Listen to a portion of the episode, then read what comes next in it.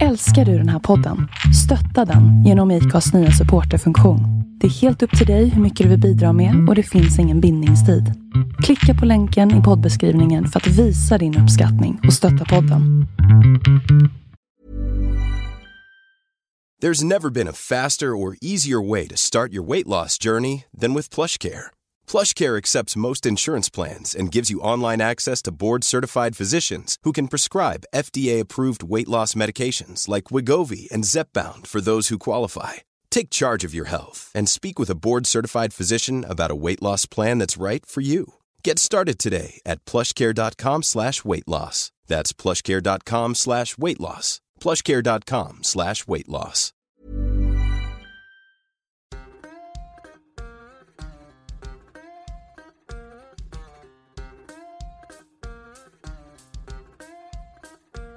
KG Nilsson har gjort sig sänd på Twitter, Facebook och TikTok. Eh, på TikTok har han kanalen En vanlig svensk arbetare. Han har också varit inne och stökat i kommunpolitiken för kommunisterna. Och jag förstod inte riktigt det så jag ringde upp honom. Men som ni hör i början så har det hänt lite grann mellan min research och det att jag fick tag på dem. Så jag har helt fel i jättemycket på, på inledningen här. Men eftersom det här är Vi måste prata så får det vara kvar. Mina damer och herrar, KG Nilsson. Ja, vi har tagit oss, eller vi har inte tagit oss, vi har ringt till Fredriksberg, Säfsen eller någonstans och fått tag på en kille som heter Carl Gustav och som kallar sig för kommunist. Och det är ju superspännande. För det kallar du dig själv, KG va? Eh, jag tror att, det var, jag tror att det var alla fel på en gång faktiskt. Jaha, Eh, jag, jag, jag, jag bor i Uppsala. Det, så att, eh, Ja. jag har flyttat ifrån Dalarna för ett par, tre år sedan. Eh, Det är ju obegripligt. Jag kallar mig inte kommunist. Eh, jag skulle kalla mig själv för socialist. Eh, om jag skulle välja någonting. Faktiskt. Ja.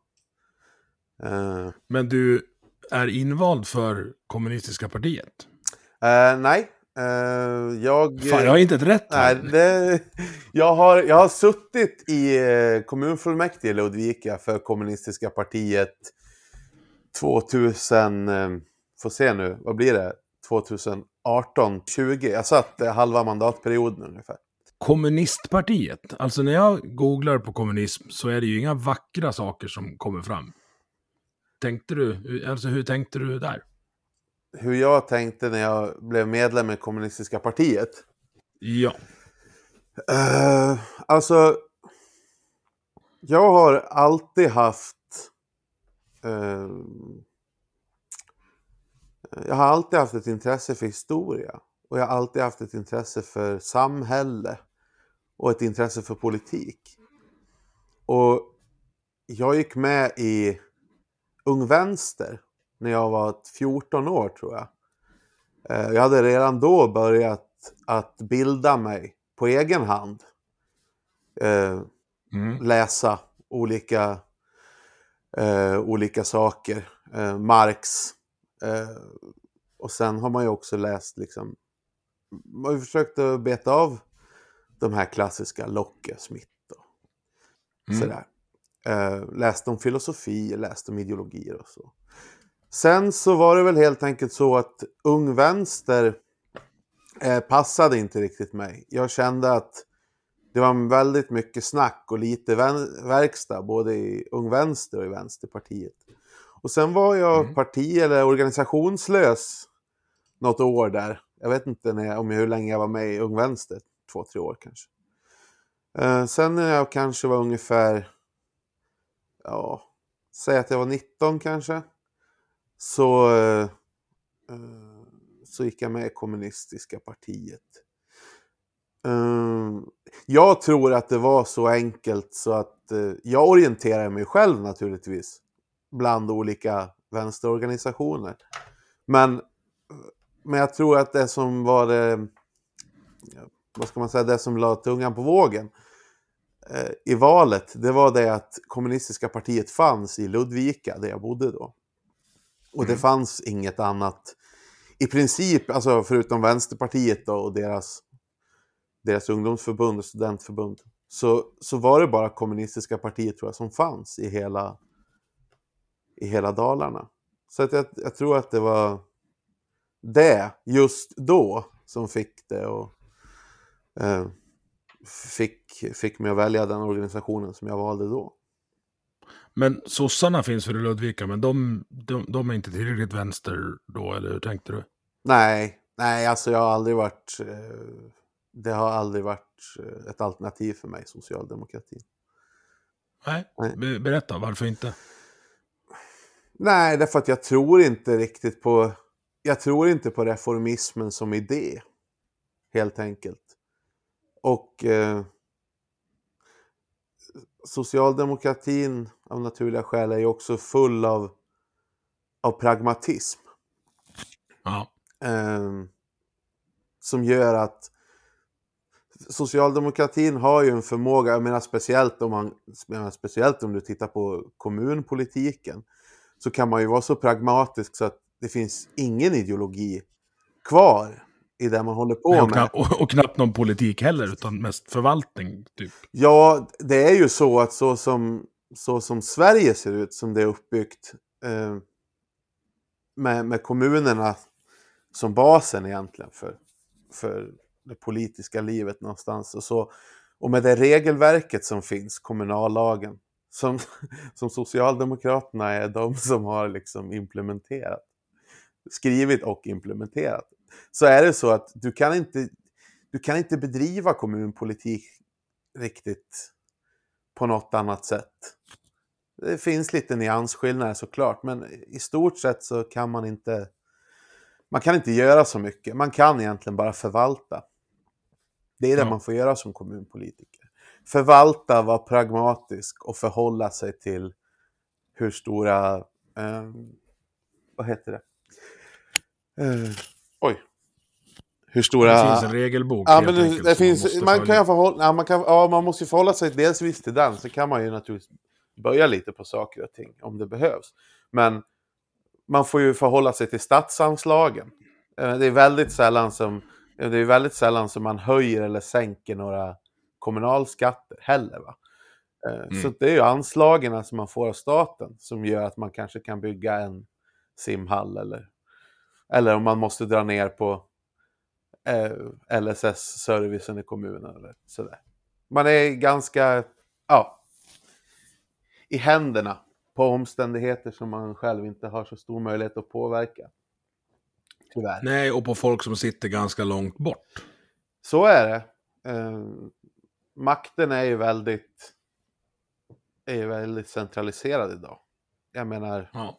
den är den, kanske, menar, stora delar av, av den politiska makten som rör oss, vårt dagliga liv. Och det finns ju i Bryssel idag. Den är ju inte mm. ens i Stockholm längre. Där har jag en, en framtida gäst som har gjort en, eller håller på att göra en utredning om det här, att Sverige är dessutom eh, jättekonstiga när vi ska implementera de direktiv som kommer från Bryssel. Vi ska alltid vara bäst i klassen och göra det liksom längre och värre och större och mer kostsamt än vad man egentligen behöver göra. Eh, och det är också, det är någon sån här särart som svenskar har, tycker jag. Att, att det, ska, det ska se jävligt bra ut och man ska vara väldigt duktig utåt. Sen spelar det mindre roll hur det blir egentligen. Nej, det kan jag nog hålla med om. Det tror jag också. Jag har ju jobbat som, jag har jobbat i köttindustrin nästan hela mitt vuxna liv.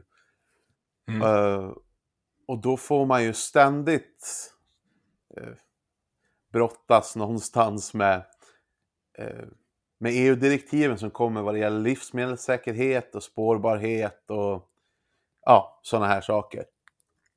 Mm. Och det märker man just det att svenska myndigheter är, är väldigt sådär bror duktiga, att de ska allting ska göras till punkt och pricka och det ska vara exakt och samtidigt så ser man ju hur eh, andra länder, de, de kanske till och med skiter i liksom. Ja, det känns ju, utan att ha varit i industrin, men det känns som det är en jävla skillnad bara vilken sida Öresundsbron man bor på, hur man hanterar djur. Ja, kanske. Eh, det, ska ju, det ju, finns ju en standard. Vi ska ju ha exakt samma eh, djurvälfärd som det heter i både Rumänien och Sverige. Så det ska ju inte vara någon skillnad på pappret. Sen är det som du säger, sen tror jag att vi alla förstår att det, i verkligheten ser det nog helt annorlunda ut. Men det där är ju också... Jag tänker, det var bara för att du sa Öresundsbron, så men om du tittar på Danmark, där är ju köttindustrin är ju en stor industri. Det är ju en exportindustri. Ja. Vi, har, vi, har, vi har malm och vi har skog. Danskarna, de har inte så mycket mer än fläsk egentligen att komma med. Va? Ja, lite vindkraft kanske, ja. men det, det, är typ det de... Ja, det är ju, det är ju kanske primärt ett, någonstans en jordbruksindustri som de har. Så att det, det, det, när det finns ekonomiska intressen, då finns det också möjlighet att rucka på reglerna. Så ja. har jag tolkat det som jag har sett. För det är samma sak om du tittar på de stora länderna i, i Europa, just när det kommer till kött, så är det Polen, Tyskland till exempel. Mm. Och Holland. Uh, och de har inga problem med att rucka på reglerna. Så att uh, där det finns ett ekonomiskt intresse, där finns det också uh, kanske till och med politisk vilja ibland att inte gå regelverken till mötes heller. Nej, och Dan alltså, jag fascineras av Danmark. Jag var där för någon vecka sedan och det är alltså landet där kranförarna i hamnen hotade med strejk när de inte fick dricka starköl på lunchen. Ja. Det, mm, det skulle ju få en svensk arbetsmiljöinspektör att få en mildare stroke bara av att konstatera att det har hänt, kan jag tänka mig. Jag är ju jag är mer, in, mer imponerad ändå av, um, av uh, finska industriarbetarfacket. Mm. De, begärde ju, de begärde ju minst 6,6 procent i löneförhöjning. Uh, och det fick de ju ett nej på på en gång. Ja, då gick de ut och strejkade. Mm. Mm. Det hände ju inte i Sverige. Jag vet inte när vi hade en, industri, en, en riktig industristrejk senast. Nej, vi är lite konflikträdda eh, rätt över. Eller så här, de två svenskarna i den här podden är vad jag förstår inte det. Men eh, som folk då, om vi ska generalisera. För du är ju inte rädd för att bråka och den här problembeskrivningen de första tio minuterna som vi verkar vara ganska överens om vill ju både du och jag göra någonting åt, men vi drar åt precis motsatt håll. Och det tycker jag är så, så spännande. Eh, berätta, vad, vad har du för lösningar på, på de här problemen? Vilka problem tänkte du på? På köttindustrin i Danmark? ja, alltså vi, ja, men vi kan ta den där, men det, alltså, uh, anledningen att jag hittade dig var ju att du har skrivit ett brev till landsbygdsministern som, där jag mm. håller med om nästan allt. Uh, ja. Mm. Be, berätta, uh, ut, utveckla problembilden om vi håller oss till landsbygdsdelen och kanske släpper fläskkotletterna en stund. Jag gjorde väl, nu ska vi se, jag kommer inte ihåg hur många år sedan det är jag skrev det där brevet. Det måste vara det var hon, vad hette hon? Hon var skåning vill jag minnas. Eh, hon var, socialdemok hon var socialdemokrat också. Kan det vara fem år sedan kanske? Men Jenny Nilsson. Jenny hette Nilsson hette hon, ja. Jajamän. Och det här var 2019, så det är fyra år sedan. Fyra år sedan, ja. Ja, alltså egentligen det brevet var ju egentligen att jag beskrev jag beskrev den utveckling som jag har sett. Och jag är ju, jag är ju född på, på, på landsbygden, jag är uppväxt på landsbygden. Och jag har bott främst eh, på landsorten hela mitt liv. Jag har bott i sådana här metropoler som Ludvika, Norberg och Filipstad. Mm. Eh, och utifrån, utifrån det så, så formulerar jag mig till henne och det, det egentligen handlar om, det jag pratade om, det var väl egentligen samhällsservicen. Hur samhällsservicen mm. helt har försvunnit. Och hur uh, man har från uh, stat och kommun och region, som det heter nu för tiden, hur man fullständigt har retirerat från landsbygden. Mm. Och jag tror också att jag gjorde jämförelsen där, om jag inte... Att man kan se samma reträtt som man har gjort i förorterna. Ja. Alltså man, någonstans så släpper man ansvaret eh, och förväntar sig att den osynliga handen, marknaden, ska lösa alla problem. Eh, eller att någon annan ska lösa det. Det finns ju ofta en sån här... Eh, ska, det finns ofta en sån här cirkelgång där kommunen skyller på staten och staten skyller på landstinget, eller regionen då, och regionen skyller på kommunen. Och så tröskar det runt sådär. Mm. Men för att ta det som, det jag pratade om var ju då Fredriksberg. Det är ett litet samhälle. När jag växte upp kanske vi var, jag vet inte, kanske vi var 900 eller något sånt där som bodde där. Och idag så är det väl mm, strax under 600 tror jag. Mm. Och Fredriksberg har ju varit betydligt större en gång i tiden. Eh, Det fanns ju ett pappersbruk som är ganska välkänt i Urban Explorer-kretsar. Bland annat som la ner på 70-talet. Det var ju en del av den. Alltså den historiska utvecklingen med industridöden och- allt det här. Och sen kom kommunsammanslagningen då Fredriksberg som hade varit en egen kommun blev implementerat i Ludvika tillsammans med eh, Grangärde som den kommunen hette så blev det en, en stor kommun istället. Eh, ja. Och alltså och bristen på samhällsservice gör ju det blir ett det blir liksom ett eh, vad är det det heter? Något slags vakuum. Nej, jag tänker mig, det blir en slags dominoeffekt av att, av att eh, möjligheten till att arbeta, föda sig, näringen försvinner från orten. Och när näringen försvinner så sjunker eh, befolkningen. Och när befolkningen sjunker så tar man från politiskt håll det som ett argument för att dra ner på samhällsservicen. Och så gör man det sakta, sakta, sakta. Så först så plockar man bort några bussturer. Sen plockar man bort kanske... Eh, sen kanske man eh, tar bort några bibliotekstider. Sen börjar man kanske ta bort hela biblioteket. Sen tar man Mm. bort eh, demensplatserna på eh, ålderdomshemmet. Sen tar man bort några vanliga platser på ålderdomshemmet. Sen tar man bort hela ålderdomshemmet.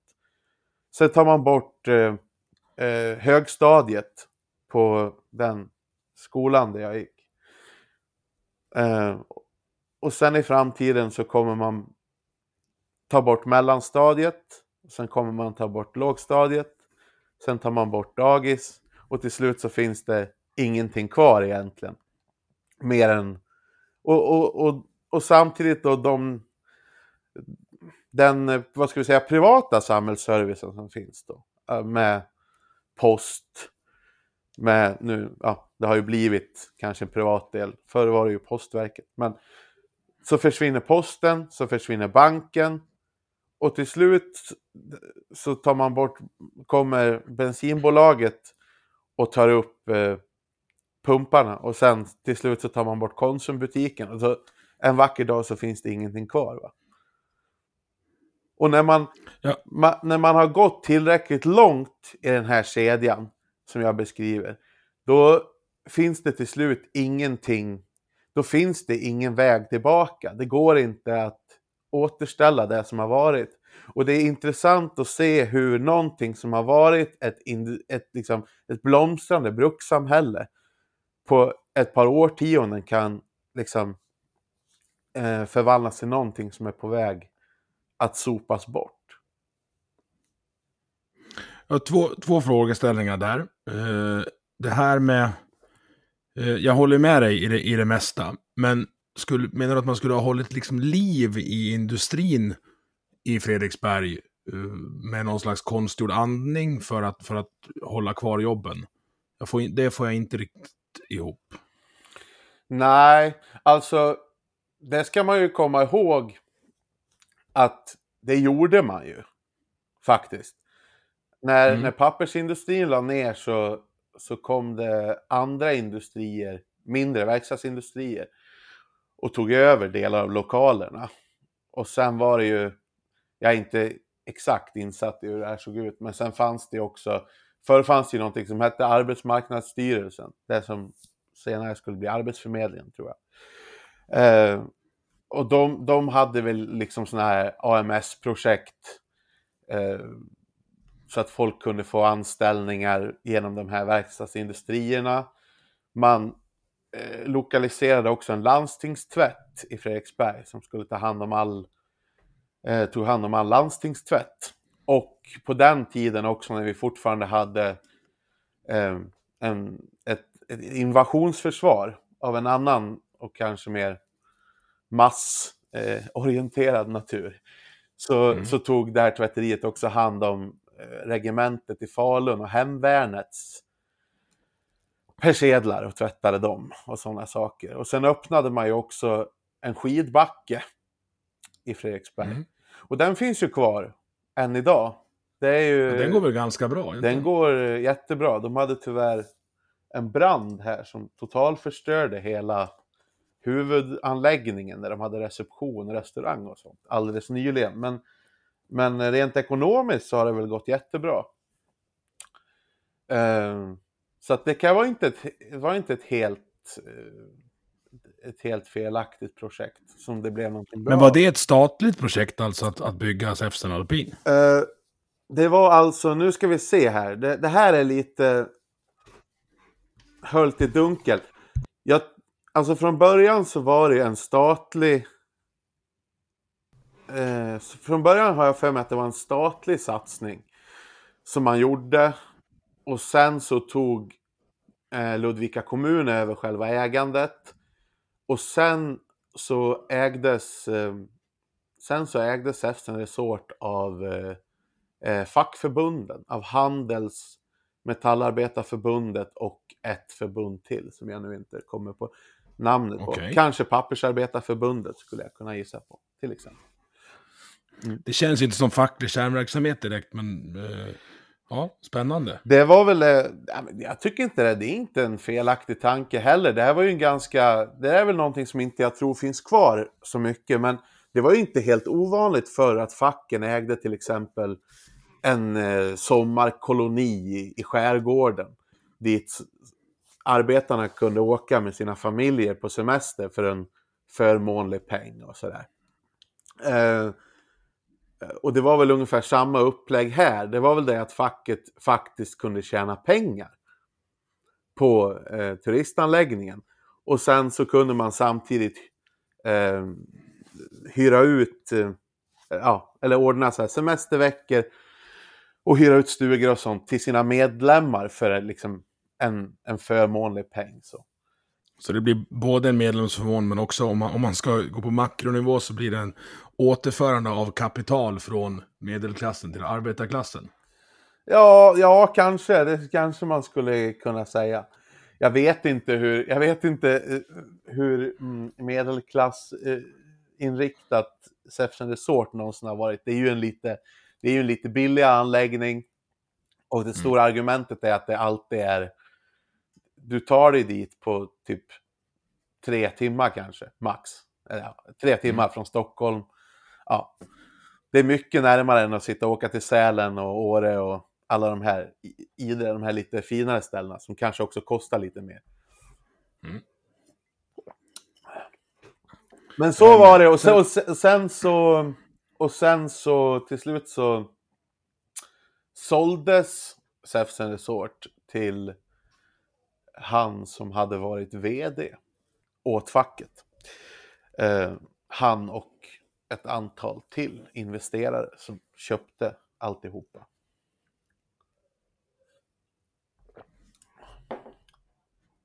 Och det är i privat ägo sedan dess. Mm. Men eh, det vi, det vi pratade om, skulle... Skulle man- hålla skulle- liv i, Skulle man gå in och ha hållit liv i... Ja men alltså, det är ju här... Det är ju här konflikten uppstår då mellan... Mellan det privata ägandet och det gemensamma ägandet. För jag menar samtidigt som... Samtidigt som då som man säger att man, man ska spara in en miljon om året i driftsbudget. För att Eh, och, och, och genom att ta bort demensplatserna på Säfsgården som ålderdomshemmet i Fredriksberg heter. Mm. Eller särskilt boende som det heter om man ska vara riktigt duktig. Men då ska man spara en miljon om året. Samtidigt, vartenda träd som står i hela eh, ja, före detta Fredriksbergs kommun i hela distriktet så att säga ägs av Stora Enso. Som i sin tur har sitt huvudkontor i, i Helsingfors. Ja. Och där man ju gör rekordvinster på rekordvinster på rekordvinster. Och hur mycket av de här pengarna är det som... Hur mycket av, av, av de här pengarna är det som kommer tillbaks till Fredriksberg? Det är ju inte en krona. Nej, Det kanske- det är någon timmerbilschaufför kanske som Ja, får, på sin, på sin ja. höjd. En timmerbilschaufför. Eller just eftersom, just eftersom också industrin, va? skogsindustrin har utvecklats. Så, så idag så kanske du bara behöver en kille som kör en skördare och två killar som kör en skotare. Så har du två, tre stycken som kör timmerbil och det räcker. Mm. Och alla de kanske inte ens bor i, i, i kommunen ens. Och de i sin tur sitter i, i den värsta av rävsaxar. För att de ska hinna med och, och skörda så mycket som bolaget kräver så måste de köpa den senaste, dyraste, största maskinen. Så att de i sin tur är skuldsatta över öronen och nästan livegna. Va? Därför att bolagen idag vill inte ens knappt äga maskinerna. Va? Utan det lägger man ut och leasar man ut på ett ensamföretag eller något sånt där. Men var i ligger problemet där? Alltså alternativet är ju att ha 60 man med yxa då? Eller vad? vad Nej, men det, man kan inte, det är man kan inte stoppa det är inte det- utvecklingen. Det, nej, men det har jag aldrig argumenterat för heller, att vi ska stoppa den tekniska utvecklingen. Tvärtom. Jag tror att, jag tror att om vi organiserade vårt samhälle och vår ekonomi på ett helt annat sätt så skulle vi frigöra produktivkrafter. Vi skulle se en enorm ekonomisk utveckling och en teknisk utveckling. Men för att falla... tror men, jag med. Men, men, det, tror- det, ja. men för att, få, Ja, alltså, jag för- håller med. Men för att, Ja, förlåt, men för förlåt, att falla tillbaks då till, till det vi pratade om, så där har du konflikten. Alltså, marken, marken, som vi, marken som vi går på och träden som växer där vi växer, den, liksom, de resurser som våra förfäder har förvaltat och odlat, tagit hand om allt det här, får vi inte en kopek utav. Utan vi ska, se, vi ska titta på medan ett, ett fåtal eh, majoritetsägare i Stora Enso roffar åt sig allt. Och så kan man inte ens ha två demensplatser kvar i Fredriksberg. Så att de som är gamla och dementa inte kan träffa sina släktingar utan det behövs en, en bilresa på kanske 4-5 mil för att man ska kunna åka och hälsa på sina äldre släktingar. Ser, ser du konflikten då? Jag ser konflikten, men jag, jag tänker, alltså anledningen att Stora Enso äger det här är ju att någon av förfäderna har valt att sälja till dem. Och ska man in och grotta runt i med vad folk får göra med sin egna mark, det, det tror jag inte blir särskilt bra. Men alltså, hur skulle... Alltså, vi har ju våra... Vi har ju våra gemensamma resurser. Det, det måste man ju liksom... eh, Det måste man ju ändå någonstans förhålla sig till. Och med, vi- om vi liksom... Men vad menar du med gemensamma där då? Är allting allas? Ja, men- Det där får jag... Men alltså vi måste ju förhålla oss... Vi, vi människor måste ju förhålla oss i relation till alla andra människor. Och vi måste förhålla oss till de resurser som finns oss tilldelat. Det vet vi ju att, att vi har ju både oändliga resurser men vi har ju också ändliga resurser. Och det handlar ju om att, att prioritera och fördela. Det är ju det som man ibland pratar om är, skulle vara på något sätt eh, eh, politikens uppgift också. Mm. Och då ska vi göra det som är... Ska vi handla utifrån vad som är bäst för så många som möjligt? Eller ska vi göra det som är bra enbart för en procent? Och, och, vad är det vi, och vad är det vi strävar efter? Vad är våran vision? Strävar inte, vi, strävar man, inte, vi man... efter, strävar inte vi efter frihet? Jo, men det är just det här jag, jag inte får ihop. Alltså om vi ska centralplanera resurshanteringen. Det inkräktar ju enormt på den individuella friheten. Då blir vi ju något slags kollektiv, alltså på nationsnivå, eller kanske ännu värre EU-nivå. Och då tror jag inte, för jag kommer ju knappt överens med min fru om vad vi ska göra med pengarna. Och ska någon utanför familjen bestämma vad vi ska göra, då tror jag inte det blir bättre för, för oss. Jag tycker att beslut ska fattas så nära de som, som eh, får ta konsekvenserna av dem. Gärna av dem som får ta konsekvenserna av dem. Men, eh, men hur löser det någonting? Ja, alltså om, no om jag eh, fattar fel beslut, då påverkar det mig och min familj. Men om vi skulle centralplanera... Fast det gör det inte, fast det gör det inte. För att om du fattar, om du får för dig att du ska ta alla dina pengar nu och så ska du satsa allting på att Leksand vinner en eh, SHL. Eh, du belånar, du tar hus och hem och allt du äger. Du tar frugans eh, hela smyckeskrin och alltihopa. Och så satsar du det på att Leksand ska vinna SHL. Och så gör de inte det. Nej. Då blir ju det ett problem. Det blir ju, idag så blir det ju ett problem för samhället. För att det är någon som måste se till att dina barn får mat i magen. Och det är någon som måste se till att ni har någonstans att bo och så vidare.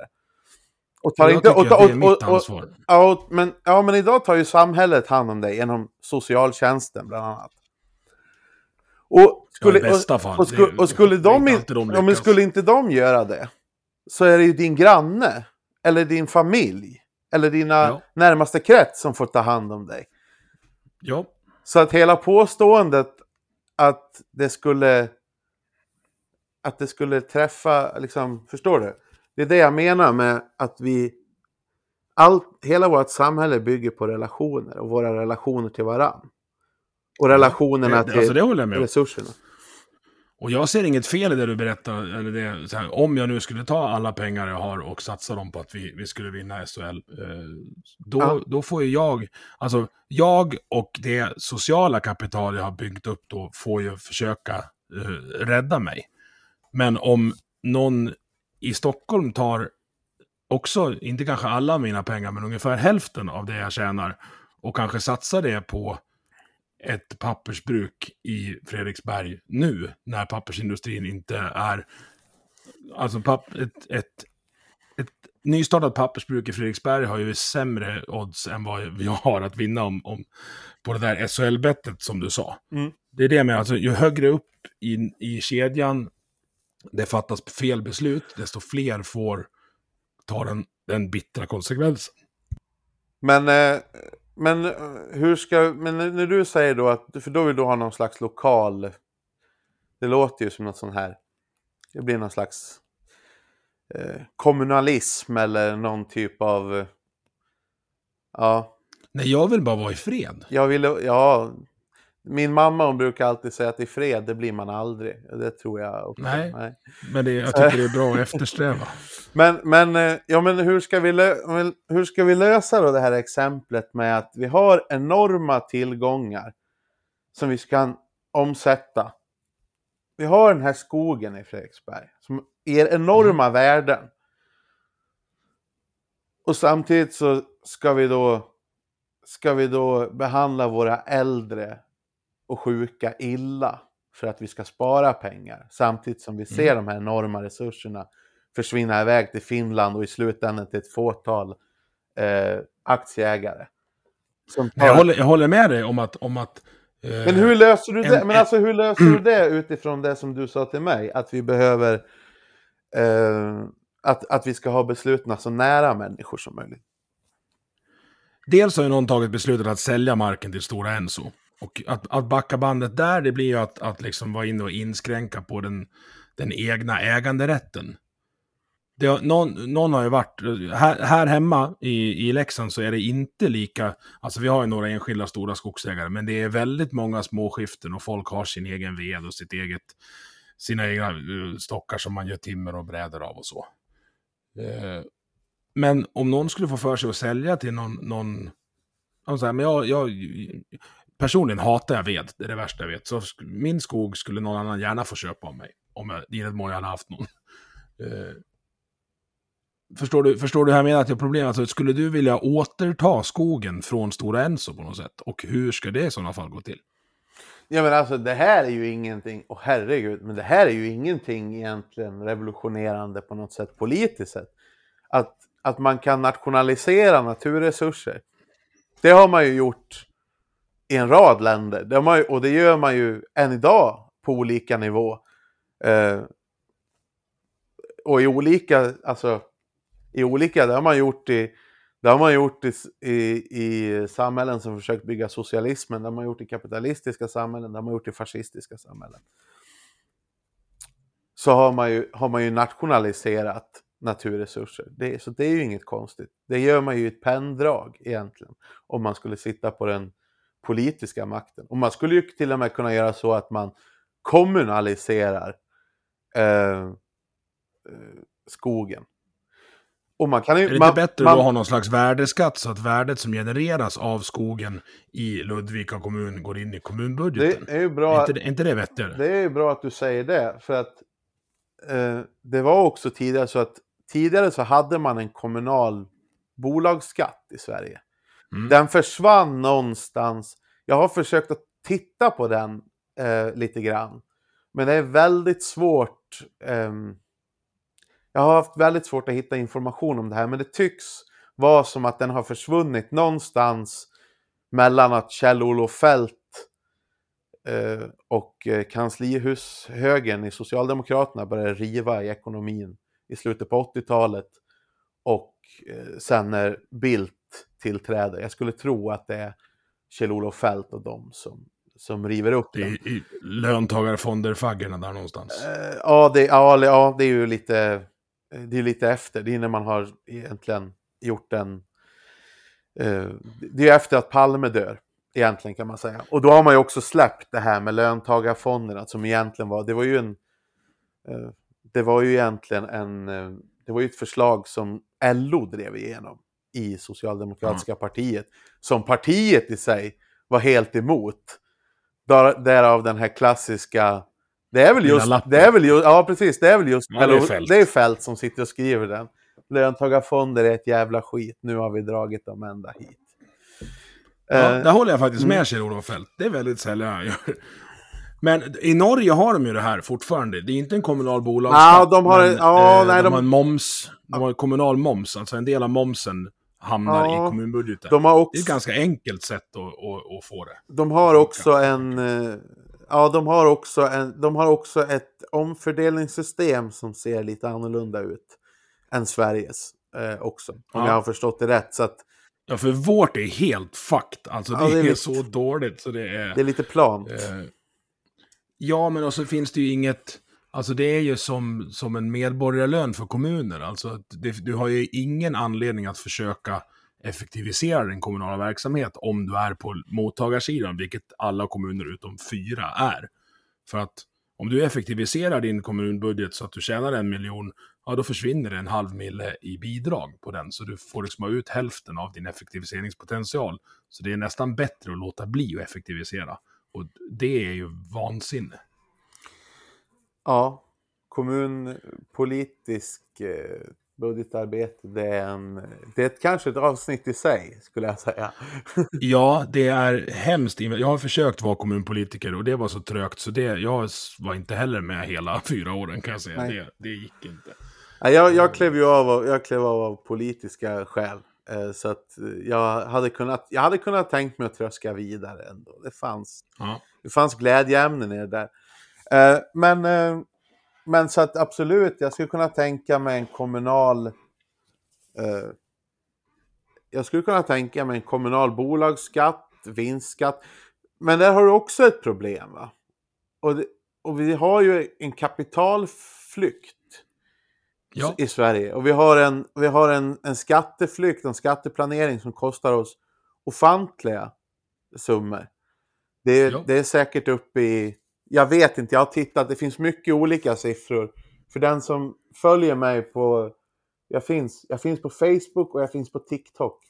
Men om man följer mig så jag brukar ibland göra ett och annat nedslag. Och jag menar om man tittar bara så här, var det korruptionen? Kostade Sverige 35 miljarder. Skatteflykten, den kostade oss 40 miljarder. Alltså, när du börjar stapla alla de här sakerna på varann så blir det eh, enormt stora summor. För jag menar om vi tittar då, Ludvika kommun, för att ta ett exempel då, har ju ABB som är den stora arbetsgivaren. Det är faktiskt Dalarnas största privata arbetsgivare. De tillverkar ju transformatorer främst. Eh, och sådana här strömöverföringssystem och sånt där. Eh, och var är de, var, var tror du att det bolaget är registrerat någonstans? Jag är inte Hitachi som äger dem. Ja, nu, nu exakt. ABB. ABB är ju... Eh, precis. Nu, fan, det har jag glömt till och med. Men precis, nu är det Hitachi som har köpt det. Så att nu ligger väl huvudkontoret i, ska jag gissa att det är Korea kanske? Jag skulle säga att en, en slant på Shanghai ja, eller Hongkong. Ja, liksom ja Hongkong skulle det kunna vara, precis. Och då, Ja. Men det är bra, du är på väg åt rätt håll. När det fortfarande hette ABB, då låg ju huvudkontoret i Zürich. Mm. Tittar du på eh, Spendrups, som jag tror är Sveriges största bryggeri, ligger i eh, grannbyn Grängesberg, som också ligger i Ludvika kommun. Mm. De skattar i holländska Antillerna. Mm. Ja. Så var, var liksom, eh, var är företagen? Var är aktieägarna? Var är kapitalisterna med och bidrar? Sanningen är att de gör inte det. Utan det man beskattar, det är inkomst och, och konsumtion. Mm. Mm. Och det är det som är så det är det som är så vrickat med det här med hur vi har, i Sverige har byggt upp vår välfärdsstat. För, Mm. den, för att, jag menar, ofta så hör man från Socialdemokraterna skulle antagligen säga att det systemet som vi har, det bygger på Eh, det bygger på omfördelning då, genom skatter.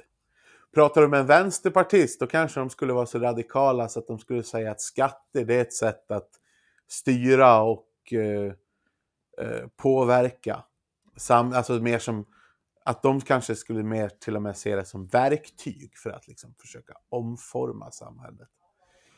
Eh, eh men sanningen är ju den att alltså, det- i, idag skulle jag säga att det systemet som vi har med skatter och, beskattning och alltihopa, det är ju nästan kanske en, en fördelning inom arbetarklassen snarare. Ja, och uppåt. Ja, Och bort. det också. Men då ska jag ställa en provocerande fråga, så nu ska vi få se om du blir arg. Men så här, tror du att fler eller färre hade flyttat sina företag och sina ekonomier utomlands om vi hade haft lägre skatt än vad vi har nu?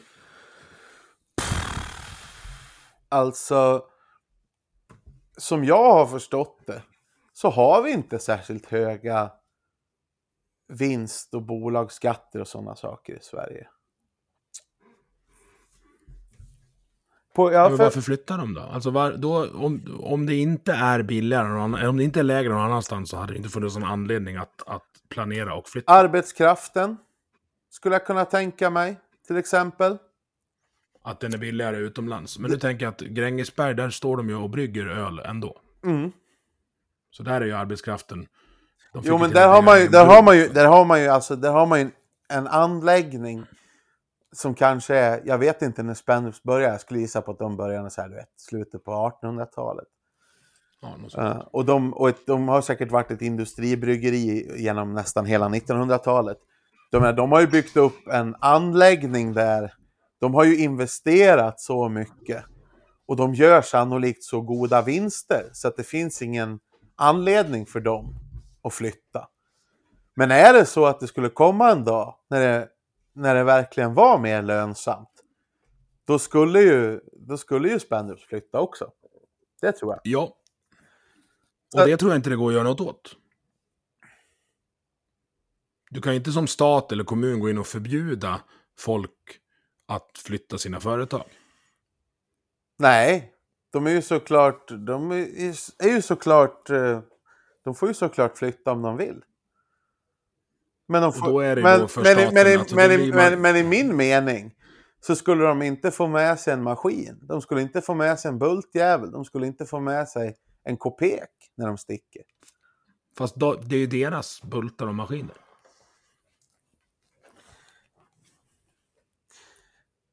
Ja, men, men är, det så, är det så vi ska ha det?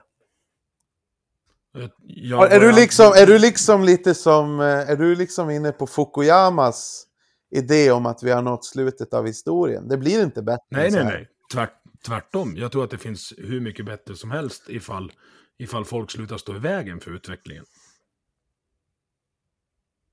Men vem, och vem är det som står i vägen då? För utveckling? Jag, jag, jag tycker att det är eh, klåfingriga politiker som är inne och fingrar i saker de inte har med att göra.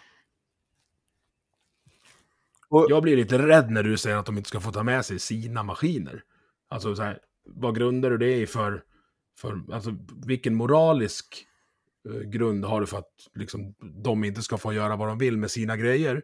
Och hur ska du verkställa kvarhållandet av dem? Det känns som en jävla otäck scen. Ja, men det är, det är väl inget... Hur, hur ska de... Det är ju bara... Det är ju bara att säga att nej men nu...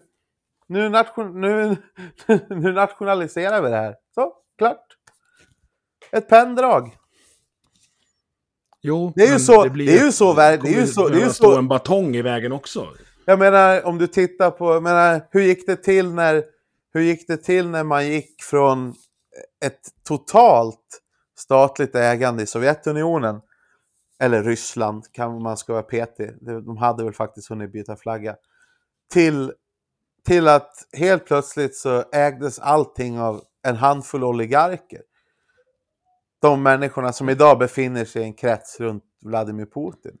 Hur gick det till? Ja. ja, kommunism och socialism dragen till sin spets genererar ju det. Nej, det skulle jag inte säga. Faktiskt. För de, oligark, de oligarkerna är ju eh, söner, eller i vissa undantagfall döttrar till de gamla kommunistiska partitopparna. Det är samma jävla gäng. Ja, men De det har är, klätt det, kläppt det i något, Ja, men det är ju- något fake ja, men- kapitalism. nu känner jag att nu börjar vi äntligen komma någonstans. Ja, men det är ju så ett klassamhälle fungerar. Ja, Ja. Så hur löser du den problematiken då om du inte vill... Eh, alltså, jag, genom jag, att jag, jag, konkurrensutsätta klassamhället. med, med vad då? Ja, holländska Antillerna, eller vad sa du att Jens betalar skatt någonstans? ja, precis. Då ser du till att, att eh, Så ha ett så- bättre samhälle att erbjuda. Det, finns en, fanns ju en anledning till att folk sprang från eh, Östberlin till Västberlin och inte tvärtom. Ja, men ja, jag, jag vet inte. Det känns som att vi nu är vi... Ja, men jag tycker det är intressant. Ja, men vi har ju tappat tråden lite grann då. För att, jag vet Ja, inte, det- vi hamnade i Östberlin när vi pratade om, om Grängesberg. Ja, vi tog vägen via fast jag blir, jag blir intresserad av, av ditt, vad är liksom ditt... eh, ja men okej, vi ska ha fri kapital. eh, det, ska inte, det ska inte finnas några... ehm, det ska inte finnas några straffavgifter, det ska inte finnas några... Det ska vara i princip frihandel på allting överallt. Ja, Och då tänker du att då löser det sig. bättre än idag. Alltså jag, jag tänker att vi har en stat idag som tar, som sagt, minst hälften av det värde jag genererar eh, när, när jag arbetar. Och som du sa, den backar ju undan, servicen blir sämre och sämre på landsbygden, men det blir ingen lägre medlemsavgift, medlemsavgift i föreningen Sverige, utan den blir snarare högre och högre, samtidigt som det blir mindre och mindre tillbaka. Men du har liksom så här, jag- jag kan hålla med, alltså så här, jag är inget fan av skatter. Och Nej, jag, är, och jag är inget fan av staten heller. Alltså, i min vision så ska vi ha ett statslöst samhälle. Det är, det är liksom, det är någonstans... Du är det, lite åt anarkihållet du. Alltså. Nej, det skulle jag inte säga. Skulle jag säga att jag är en väldigt traditionell socialist. Alltså. Eh, Ett klasslöst, statslöst samhälle. Det är ju egentligen vad man vill uppnå. Liksom. Jag menar, när man sjunger Internationalen så måste ju vara ändå arbetarrörelsen och den socialistiska rörelsens främsta sång som jag tror att nästan alla... Under skatter vi dignar ner. Precis! Och- Bå- Både Ja. lag och stat där oss förtrycker, vi under skatter dignar ner. Det är lite gulligt när Göran Persson går och sjunger det måste jag säga. För att är det någon... Ja, Ja, Han jobbar ju åt det privata näringslivet numera. Han ja är ju fast han, var styr... ju, han var ju ändå socialistisk statsminister. Nej. Och, eh, pro, Socialist var Nej. han inte, han var socialdemokrat. Socialdemokrat, Ja. ja. det är ganska stor skillnad, skulle jag säga. Jag Men menar, hur kommer du till det där klasslösa, statslösa samhället då? För är det någonting, jag har också läst lite historia genom åren, men är det någonting, den här proletariatets revolution eh, ska, ju sen, ska ju sen sluta i att man lämnar ifrån sig eh, makten. Men det har ju aldrig hänt. hur menar du nu, lämna ifrån sig makten? Alltså när arbetarklassen har tagit makten Ja, så blir en liten klick av arbetarklassen, överklassen och eh, statsbärande. Och sen lämnar de inte tillbaka den. Och då får du oligarker och Putin och Fidel och gänget som väldigt sällan svälter ihjäl. ja det där är ju alltså... är Jag, jag, tänker att, jag tänker att du sätter ju verkligen fingret på någonting här. För att vad jag uppfattar som en väldigt vanlig... En väldigt vanlig missuppfattning.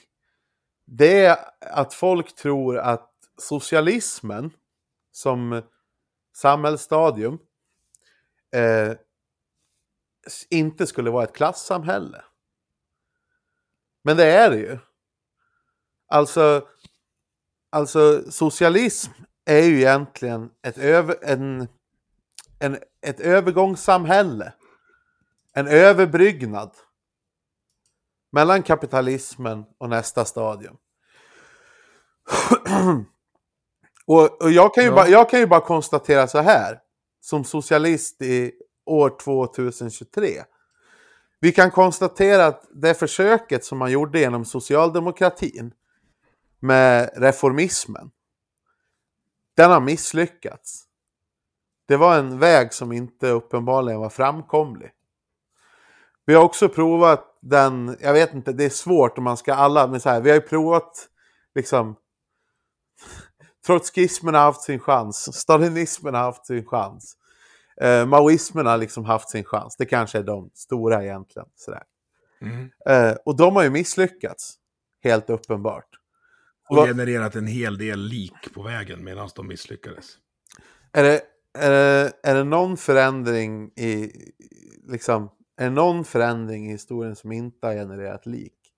Nej, nej, nej. Alltså det är min, ett av mina befäl i lumpen sa det att Sverige befinner sig i ett tillfälligt tillstånd av okrig. Ja, Alltså krig är nästan, tyvärr, mänsklighetens standardtillstånd.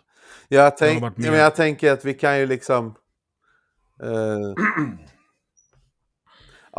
ja, det blir... Jo, eh, kapitalismen och nazismen har sina likhögar också. Det, det finns ingen som kan... Alla- alla ismer. Jo men, jag, genererar jo, men, jag, lik. jo, men, jag, jo, men jag, tänker, jag tänker så här, jag tänker ett mycket längre liksom, historiskt perspektiv. Så här, jag menar, eh, kolonialismen hade ju liksom sina, har ju sina likhögar. Mm. Ja, och det har... Alltså så här, men samtidigt, vi kan inte förneka att varje gång som mänskligheten gör ett steg framåt så är det bättre. Alltså så här, vi hade ju aldrig kunnat så här, vi hade ju aldrig kunnat tagit oss till vi hade ju aldrig kunnat tagit oss till dit vi är idag om vi inte hade passerat eh, om vi inte hade passerat kolonialismen. Om vi inte hade passerat den industriella revolutionen. Om vi inte hade liksom, förstår du? Ja, ja, Och, och, det är det, och det är det jag också, jag är liksom fast i min övertygelse om att vi kommer passera kapitalismen. Kapitalismen är inte slutpunkten på historien. Nej, samtidigt eh, säger vi det över en internetlinje och vi har kommunicerat via våra smartphones tidigare. Ja men, men vad har... hade Vad, vi inte haft ja, kapitalismen så hade vi nog inte haft dem. fast det tror jag verkligen. För jag menar, mänsklig, alltså, mänskligheten har ju funnits betydligt mycket längre än kapitalismen. Man brukar väl säga att de första man brukar väl säga att de första liksom eh, trevande stegen till kapitalism börjar ju liksom någon gång i slutet på 1600-talet kanske. Eh, och sen har vi den borgerliga revolutionen i borgarklassens revolution i liksom Frankrike som sen sprider sig. Och vi får, vi får ett... Eh, vi får ett nytt, ett borgerligt, ett kapitalistiskt samhälle som tränger bort det gamla, eh, vad heter det? Så när borgarklassen tränger undan den gamla aristokratin och, och det gamla feodala liksom, systemet. Och det var väl bra? Ja, visst. Och det är det jag menar. Alltså, ni, Och det är det jag menar att vi, ja, det är det jag menar att vi kommer, vi kommer ju, vi kommer ju komma till den punkten igen va. ja. Där kapitalismen kommer att trängas bort. Och jag tror att, jag är ju liksom övertygad om att det är ju ett, det är ett gemensamt ägande. Som vi kommer vara tvungna att gå mot. Som vi kommer att gå mot.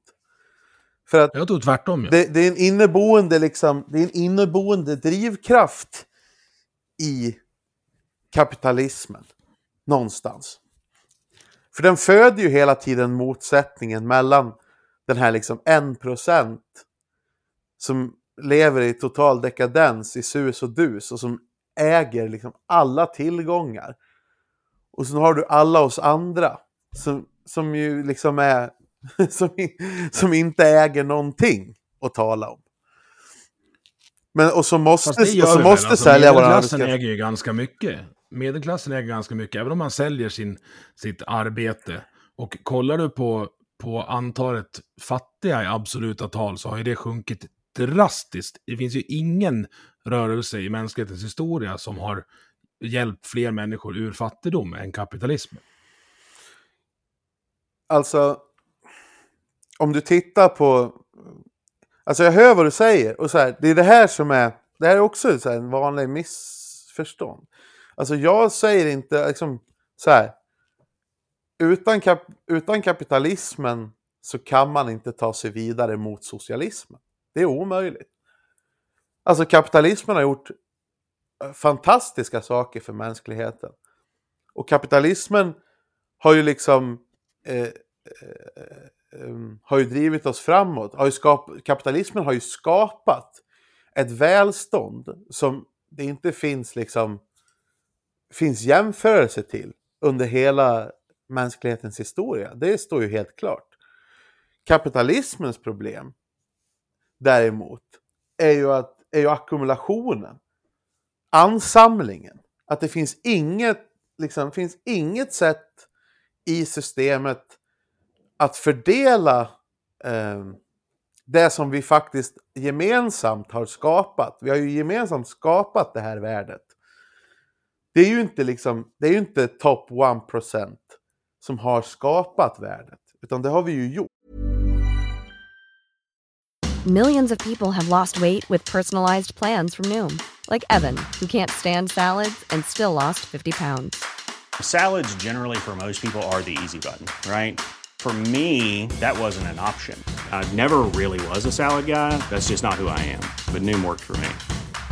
Get your personalized plan today at Noom.com. Real Noom user compensated to provide their story. In four weeks, the typical Noom user can expect to lose one to two pounds per week. Individual results may vary. Wow. Nice. Yeah.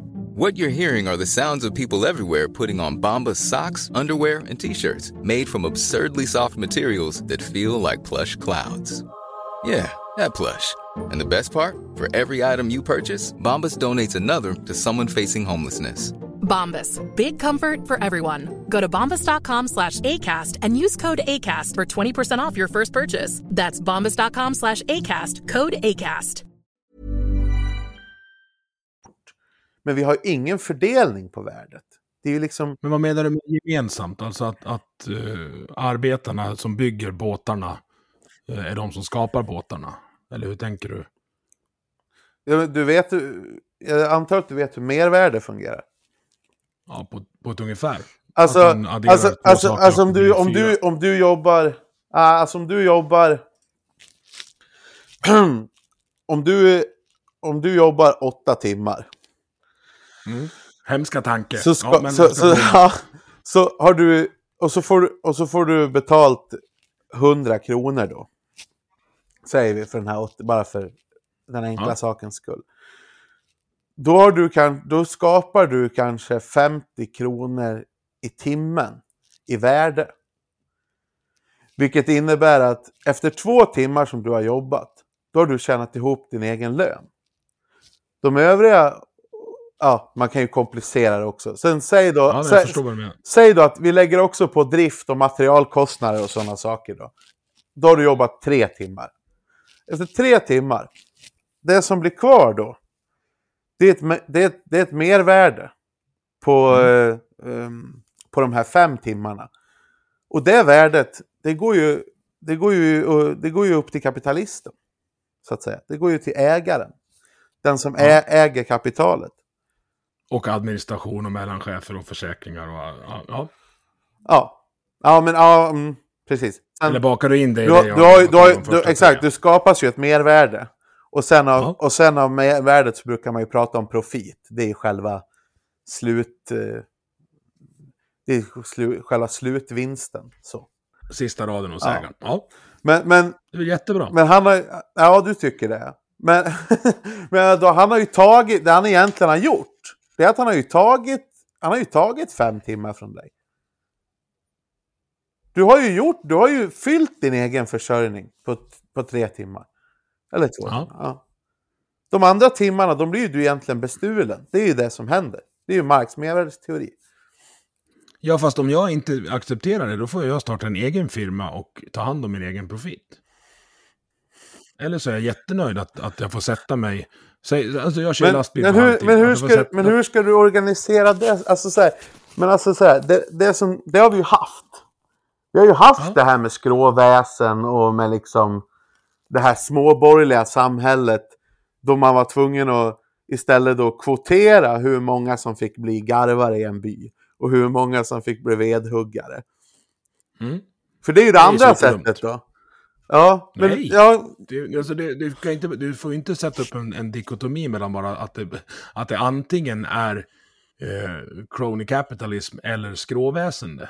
ja men På vi en har... fri marknad där både, både arbetskraften och arbetsköparna eh, agerar enligt, enligt eget huvud, då, då får du sånt där. Så jag är kanske supernöjd med att jobba de där åtta timmarna för den där hundringen. Men om jag inte är det, då får jag ju göra någonting annat. Ja. Och alltså så och gör jag. Du ska bara så- veta hur många så- gånger jag har fått så- sparken. Och så, men du tror att det funkar så, på riktigt? I den verkliga världen? Alltså jag har både varit anställd och drivit, drivit företag. Jo, jo men så, du, eh, men ja. du, du, tänk, du tänker att de här barnen som typ gräver upp litium i sina bara händer i, i Kongo, de gör det för att... Nej, nej, nej. Men Kongo är inte ett kapitalistiskt samhälle. Kongo är en, en semidiktatur diktatur med en tokig jävel i toppen. Så du kan liksom inte jämföra det med arbetsköp och sälj på den svenska marknaden. Ja men alltså, men det är ju som du säger, det heter ju arbetsmarknad. Men alltså det finns ju inte hur många... Alltså, jag förstår inte riktigt hur du får ihop det faktiskt. För jag menar så här, hur många, ska alla, vad ska vi göra liksom? Ska alla ha varsin rörfirma eller liksom? Man ska göra det man är bra på och det som man inte hatar. Jo, jo, men man måste ju leva också. Det är ju liksom, det är det essentiella. Varför är det vi arbetar för? Från första början. Jag, alltså, det, det beror ju på också vilken... Man väljer ju lite vilken livsstandard man vill ha. Levnadsstandard heter det, som man, som man vill ha. Alltså vill jag eh, ha en, ett större hus eller en fränare motorcykel, ja men då får jag ju jobba mer. Eller hitta ett mer högavlönat jobb. Är jag nöjd med som jag har det idag? Ja, det är jag faktiskt. Då, då kan jag ju tugga på. Och jag, så här, det avtalet jag har med, med de som anställer mig, det är ju upp till mig om jag accepterar de villkoren eller inte. Men du- Jag, jag tycker, ja, nej, var, du får, var, se, du får var, berätta för mig men var, lig, var, ligger, alltså var ligger friheten i det här? Att jag kan söka det, de, de jobb jag vill ha och som jag är kvalificerad för.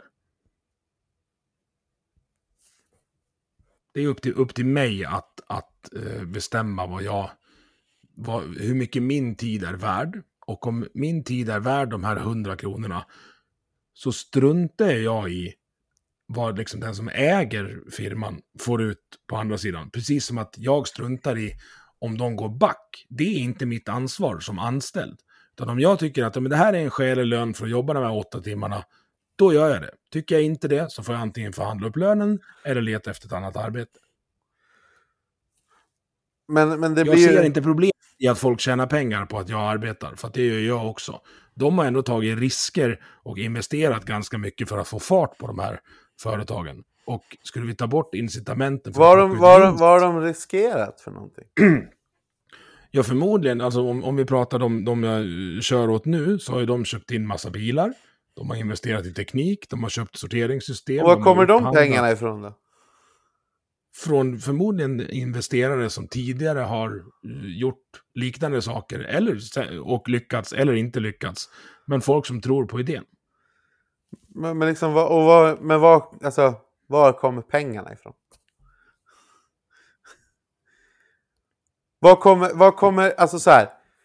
Hur, de, om, om det är, om nu, jag hade ju kunnat sagt till banken då. Det kanske, de kanske har lånat liksom pengar av banken för att köpa Ja, och bilar. då hittar ju banken på nya pengar. Det är helt sjukt. Det skulle vi kunna prata om länge. För det där eh, en tiondels bankväsendet är i fractional banking. Men det, för, det häng, är- för det hänger ju lite ihop med när du pratade, när du sa att... ehm, eh,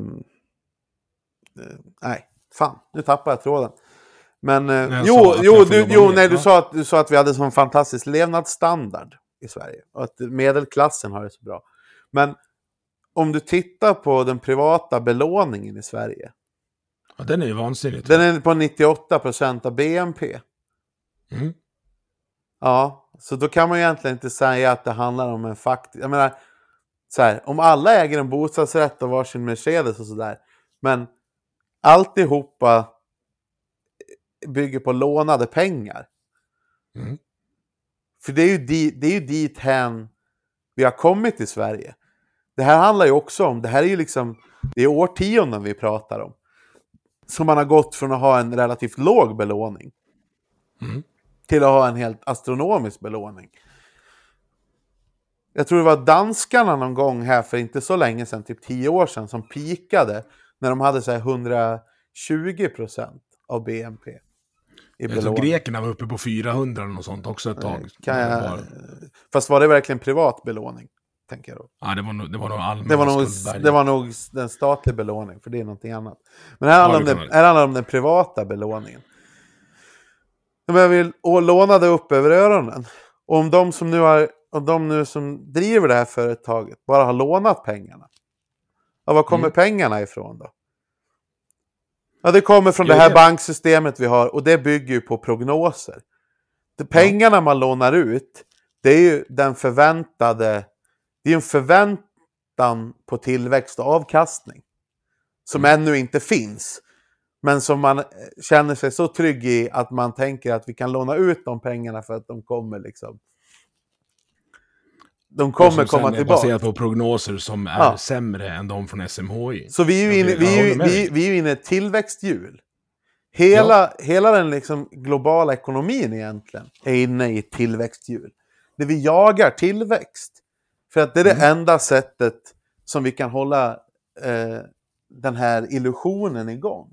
Illusionen av den Mm. fungerande kapitalismen. För det är ju just det, och det är därför jag pratar om att alltså, det måste komma någonting nytt. Alltså kapitalismen tar död på sig själv till slut. Det, ja, alltså jag, jag säger inte emot dig eh, där, att kapitalismen kommer eventuellt att dö på sig själv. Jag tror inte att det kommer ske under din och min livstid. Däremot tror jag inte att det som kommer komma efter är socialism på statsnivå, utan snarare... Alltså, jag är ju individualist och någon slags frihetsbanjo-högermänniska. Och det jag får höra att ja, men då, då är du egoist. Det är jag inte alls det. Jag har ingenting emot kollektiva sammanslutningar. Det jag har någonting jävligt mycket emot, det är att bli tvångsansluten till något system som jag inte själv tror på. Jag vill bestämma själv vilken typ av, i brist på bättre ord, försäkringssystem jag ansluter mig till. För jag litar inte på att de i Stockholm och Bryssel har mitt och mina ungar och min frus bästa som, som någon högst, högre prioritet. Men Nej, det har jag. Men vad tror du det bygger på? Alltså vad tror du den, som du säger att du tror att du tror att politikerna i, i Stockholm inte har dig och din familj och, ja, i, i, i främsta rummet när de, när de utövar sin politik liksom. Därför att vi har i viss mån återuppväxt ståndssamhället. Vi har adel, präster, borgare och bönder just nu. Adeln, det är de politiska broilers som har ungdomsförbund, skokat kaffe, karriärat sig ända in på regeringsplats. Präster, ja, där har du dem i radio och tv. Borgare, det är den riktiga arbetarklassen, det vill säga småföretagarna som anställer var sju, sju av tio personer i det här landet. Och bönderna, det är de, den etni, i, i stort sett etnifierade underklassen vi har nu som, som tyvärr är bidragsberoende i en alltför hög del. Och där i ser, ser Men, jag problem. men det är ju egentligen inte så här, för du säger vi har återuppväckt eh, ståndssamhället. Men jag menar, vi lever i ett klassamhälle. Ja. Så hade jag uttryckt Ja. det. Och jag ser, alltså, så här, jag har inget problem med ett klassamhälle om det finns rörlighet. Men var finns friheten i ett klassamhälle? Ja, men det är det jag menar med, med rörligheten. Vi har gratis universitetsutbildningar i det här landet.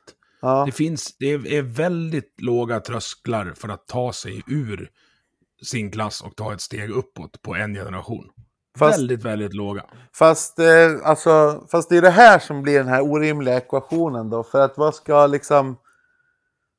Eh, ska, ingen, ska ingen i Sverige liksom ha traditionella arbetaryrken eller serviceyrken? Jo, jo, för fan. Det är klart att alltså, det Ja men då, då, då, då, konkurrens jo, men, jo men då kan... Nej, alla, då alla kan kommer inte kunna bli professorer. Jag håller med dig. Alla kommer inte kunna bli professorer. Nej men alla lektorer kommer ju inte ens, alla kommer ju inte ens ha möjligheten att kunna få en, om vi nu säger att medelklassen har en bra levnadsstandard. Nu är ju jag övertygad om att mycket av det där är ju bara, är ju bara en chimär som bygger på belåning. Ja, ja Men- så, men- så är det. Men, Men oavsett var pengarna kommer kommer ifrån så inte- har vi det ganska bra. Och sen, och sen jag menar, sen, eh, sen kan man ju bara, för jag, alltså titta på alla, oj jäklar. Titta på alla sociologiska studier man har gjort. På det här med klass. Så, så, är det ju, så är det ju så att den här rörligheten som du pratar om. Den existerar ju egentligen inte riktigt. Jo, fast det gör de väl ändå. Alltså det är ju... Alltså föds du ju- föds i ett arbetarhem av två arbetarföräldrar. Då är chansen ganska låg att du ska bli att du ska bli professor eller vad du nu vill sätta som. eh, Professor, ja, men det är ett långt steg. Men, men att ta ett eller två steg per generation, det är liksom... Men, men så, från, jag är ju från ett sånt hem.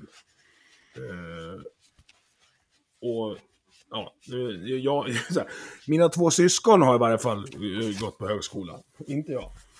Sen jag menar, sen är det ju lite, för jag menar så här, det vi ser idag också.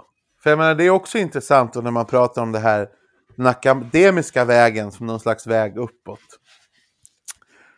Jag menar, är det inte så att, att mycket av det där börjar tappa sin relevans?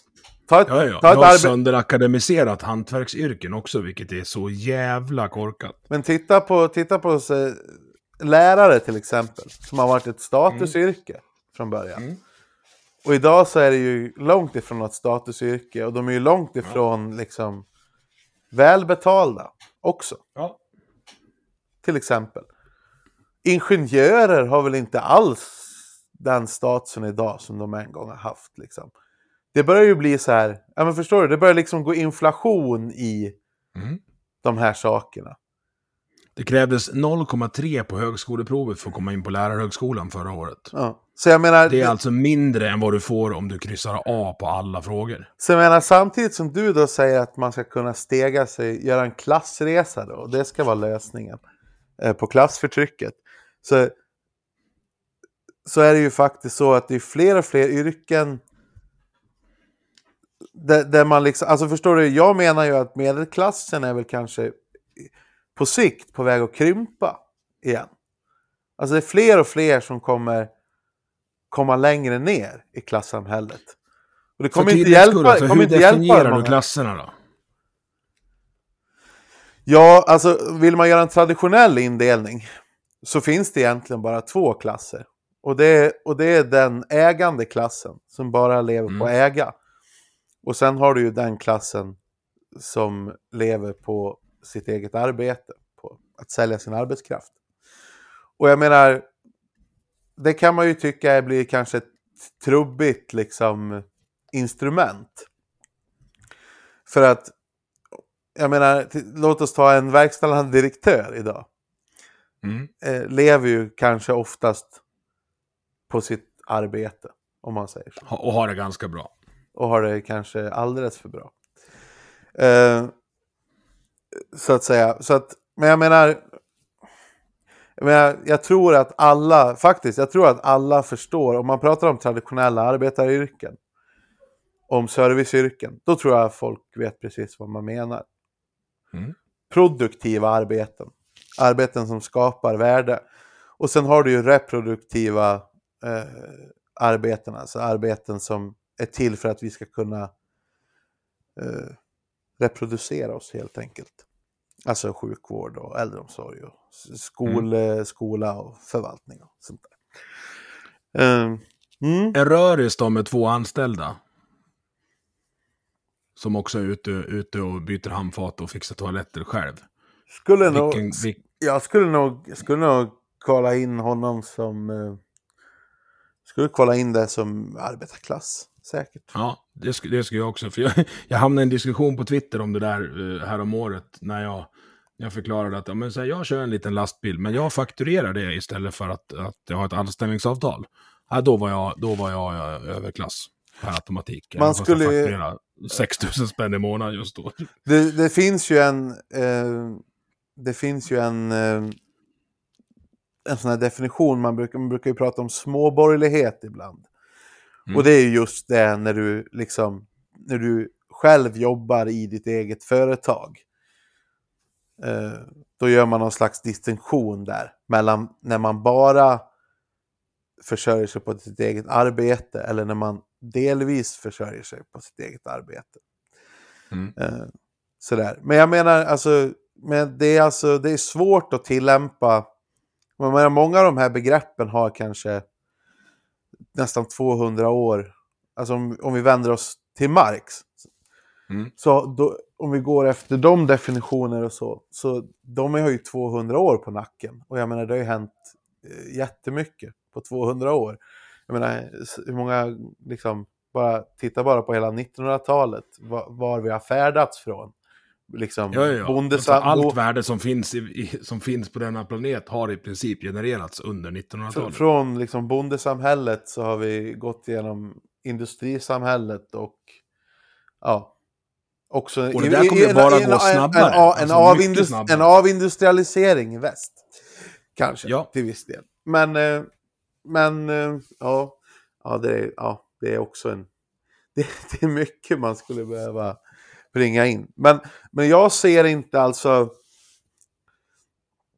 Jag ser motsättningen framförallt mellan de 10% som äger 70 nej 70, de har ökat lite faktiskt till och med nu. 73% av alla tillgångar i Sverige, alla värden. Uh, och alla andra, egentligen. Och jag ser inte motsättningen. Så länge de som är längst ner på skalan får det bättre, vilket de ju faktiskt får. Det För det är väldigt få ungar som går och lägger sig hungriga i Sverige idag. De finns, men det är väldigt få. Och de som... Men, Alltså- men, men, men exakt, nu, nu, där börjar vi också komma någonstans i vart vi egentligen är på väg i den här diskussionen. Är det liksom, din definition av frihet är att man inte går och lägger sig hungrig på kvällen? Nej, nej, nej. Min definition av frihet är att jag vill försvara mina marijuanaplantor med automatvapen. Ja. Men det, det, det, det kommer vi inte... Nej, men definitionen av fattigdom är hungriga barn, skulle jag vilja säga. Men var är defini- var, för du pratar ju mycket om frihet, men var är liksom, vad är då definitionen av frihet? Att ha så lite som möjligt med staten att göra, men med tanke på hur mycket skatt jag betalar, när jag behöver staten så ska den fan i mig stå och ge vakt. Jag vill, in, jag vill inte ringa efter en ambulans när min fru har brännskadat sig och få höra att nej, vi har ingen att skicka. Kan du åka och hämta henne själv? Så egentligen, så, är du, Det- så egentligen kan man säga att du är socialliberal. Det är ju det. Nå, det vet, vet jag fan. Alltså, jag är nog libertarian i sådana fall. Alltså, staten ska hålla sig till, till sjukvård, försvar, rättsväsende. Löser de det, de grundläggande så kan vi... Kan, kan, då kan Ja. marknaden ta hand om resten. Men Men det där det sku- gissar jag att vi inte kommer bli överens. Men det skulle jag ju säga att det är ju någon slags... Det är ju någon slags... eh, Det är ju inte, det är inte riktig nyliberalism. För då... Nej, nej, nej. Oh nej. Det är nyliberalism, Men, det är eh, Annie Lööf och gänget. Men eh, ja, socialliberalist skulle jag väl säga. Ungefär. Individuell Ja, alltså, frihet, jag- men det ska finnas ett, ett skyddsnät. Liksom. Jag, menar så här, jag blir vansinnig när den närmaste polisen kan vara i Sveg på en torsdagkväll. Om vi skulle behöva en här i byn. Och så tvingas jag betala för Melodifestivalen. det är fullkomligt absurt. Men varför är det så? Då? Därför att vi lägger för mycket pengar på trams. Kan jag hålla, Vi har, kan jag hålla vi med? har någonstans runt 380 myndigheter, varav två stycken sysslar med slöjd. Ja, Bara, Lägg ner hälften. Det är bara rakt av. men det där är Jag har ju... min- ja, det där Jag är ju... Det är, myndigheter som arbetsmarknadspolitiska åtgärder för akademiker allt för länge. Där pratar du om, där har du icke-produktiva saker. nu tycker jag inte att vi ska kasta skit på den här, för jag känner till den här. Vad heter den? Heter den typ så här, Myndigheten för hemslöjdandets främjande eller någonting? Ja, du har en sån och så har du en för sameslöjd också. Det är två olika. Men jag, men jag, jag, tror, jag tror att jag kan lugna dig med att jag tror inte att de har typ några anställda alls. Utan typ det enda den här myndigheten gör är att den delar ut typ eh, delar ut ett stöd på så här har typ delar ut 10 miljoner i stödpengar till olika lokala hembygdsföreningar som håller på med Ja. slöjdfrämjande. Kan vi inte köpa ambulanser och JAS-plan för de pengarna istället då? Du, du, är alltså, du ställer alltså hemslöjdsfrämjandet emot eh, JAS-plan, är det så? Ja, det är ju samma, det är samma ekonomi. Hur många, JAS, hur många, hur många JAS-plan får du för de här hembygdspengarna? Ja, nu vet inte jag hur mycket de, hur mycket de omsätter här, för jag får inte, jag får inte fram det medan jag sitter och simultan-googlar. Men jag tror, jag tror att Melodifestivalen det, kostar ungefär två JAS-plan per år i alla fall, det vet jag. Och det är... ja, Men det är också, det, där kan vi vara överens. Det är en prioritering jag också är, är beredd att liksom... Eh, jag är beredd att göra. Att sopa Sen tror jag att att- skulle, att Melodifestivalen skulle vara mycket bättre om TV4 fick ta tag i den. Jag vet inte om vi ska hålla på med det där alls. Nej? Nej. Skeptisk, Nej, jag- jag- faktiskt. Otroligt skeptisk. Nej, men alltså... Så att, men alltså, ja, jag får inte riktigt så här. Vi ska ha det som idag då, ungefär. Fast, Nej, nej, nej, nej, vi ska inte ha det som idag men, jo, men du säger, du säger socialliberal. Du vill ha lite sjukvård. jag, du säger att jag är Ja, socialliberal. ja, ja, för, för, för, för, ja, för att du tycker att det är coolare att säga banjo höger än att säga att du är social... Istället för att bara erkänna att du är folkpartist. Liksom. Men eh, vad heter det? Hur... Jag har aldrig varit så nära att lägga på i örat. Men alltså, The F-word. hur- vad heter det? Ola Ullsten, säger jag bara. Eh, Ja. vad heter det? Men vad är, vad är vision? Så du, vill ha, du vill ha någon slags... Besluten ska fattas så nära människor som möjligt. Men, då, liksom, Ja. och hur lång, men hur långt är du beredd att dra den liksom, lansen då? Ja, på familjenivå gärna. Ja. Det blir ju, det blir ju kanske det är svårt att bestämma om kommunalskatten. Kanske i familjen, eller? Då lägger vi ner den. Bra, då är vi överens. Nej men alltså vad är liksom, vad är visionen hos dig då? Är det liksom att det ska vara som i Schweiz? Att man ska ha liksom direktdemokrati då? Eller? Nej, det är, ja, det är vansinne att ha direktdemokrati. Jag, jag vill inte ha så mycket överstatlighet, eller inte över, alltså så mycket överförmynderi som vi har. Nej, men hur, men hur ska, har men hur, alldeles för mycket regler och skit. ja, men hur, ska du få, hur ska du få ambulanserna liksom att funka? Ja, men den, alltså, det, alltså sjuk, basal sjukvård, akutsjukvård, försvar, polis, Jo, jo, men du vet ju att då måste man administrera, det måste finnas pengar, Ja, ja, ja. och pengarna måste komma in. Ja, hur går det till? Ja, det, alltså, det systemet kan vara precis som det är idag. Ja. Men vi ska inte hålla på med slöjd. eh, Vi ska inte hålla på med massa sådana här, eh, vad heter det då? Företagsstöd. Funkar företag, ja men då funkar de. Bra. Funkar de inte, då ska, då ska du inte, inte liksom hålla icke-fungerande verksamheter under armarna med skattemedel. Vi ska inte hålla på med eh, nöje in, inom public service. Vi ska definitivt slå ihop Sveriges Radio och, och eh, Sveriges Television. Eh, vi ska låta bli att söka OS. Alltså, låt, låt folk göra det de vill. Eh, så här, jag är fiskalt konservativ och livsstilsliberal. Om du kan få in det i socialliberalism. Jag tycker att folk ska få göra i princip vad de vill, men jag vill inte behöva betala för det. Gärna inte under pistolhot. Men göra vad de vill. Hur liksom... I princip, ja, i princip vad de vill. Våldta Så barn. de... Nej, nej, nej, Nej, Så länge de inte skadar någon annan. ligga med lik. Alltså, det... Kantboll på den faktiskt. Mm. Det, var, det, det, det är liksom, det det, det är det ni liberaler säger när, när, när ni är utanför de lyckta dörrarna. Då är det kantboll. Men vi vet alla vad fan ni säger när ni sitter i, i ert trygga rum. Det beror på. Kan man, kan man skänka sin kropp till det genom sitt testamente? Ja, men då är det lugnt. Ja, Luff brukar ju alltid motionera om det där så här, en gång var tredje år. Mm. Och djur, va? Det var Ja, ju precis. Lex, Lex Eskil. Bara, Lex, nej, där, ja. där, där är jag inte. Ska det vara olagligt att på ett kön stryka på Stryka, något ja. som för en hund smakar eller luktar gott? Det är Åh. sånt där som händer när man går ifrån manuset när man står i riksdagens talarstol. Nej men. Ja. så att... Den kan vi också halvera för övrigt. Men, men man ska... Så här, men vad fan, så här, man ska få göra nästan vad... Man får inte skada andra människor och kanske inte Nej. djur och sådär. Min frihet tar slut där din börjar. Men då liksom, så som det ser ut idag, är det liksom någonting som du känner urgent att du vill så här, riva upp? Är det någonting som är olagligt idag som du känner? Du är kanske drogliberal också, liksom, eller? Gå- Gårdsförsäljning av alkohol, hembränning till husbehov, eh, ett litet växthus med fyra marijuanaplantor, ett, eh, ett, ett eh, starköl på Ica, gärna i kylskåp.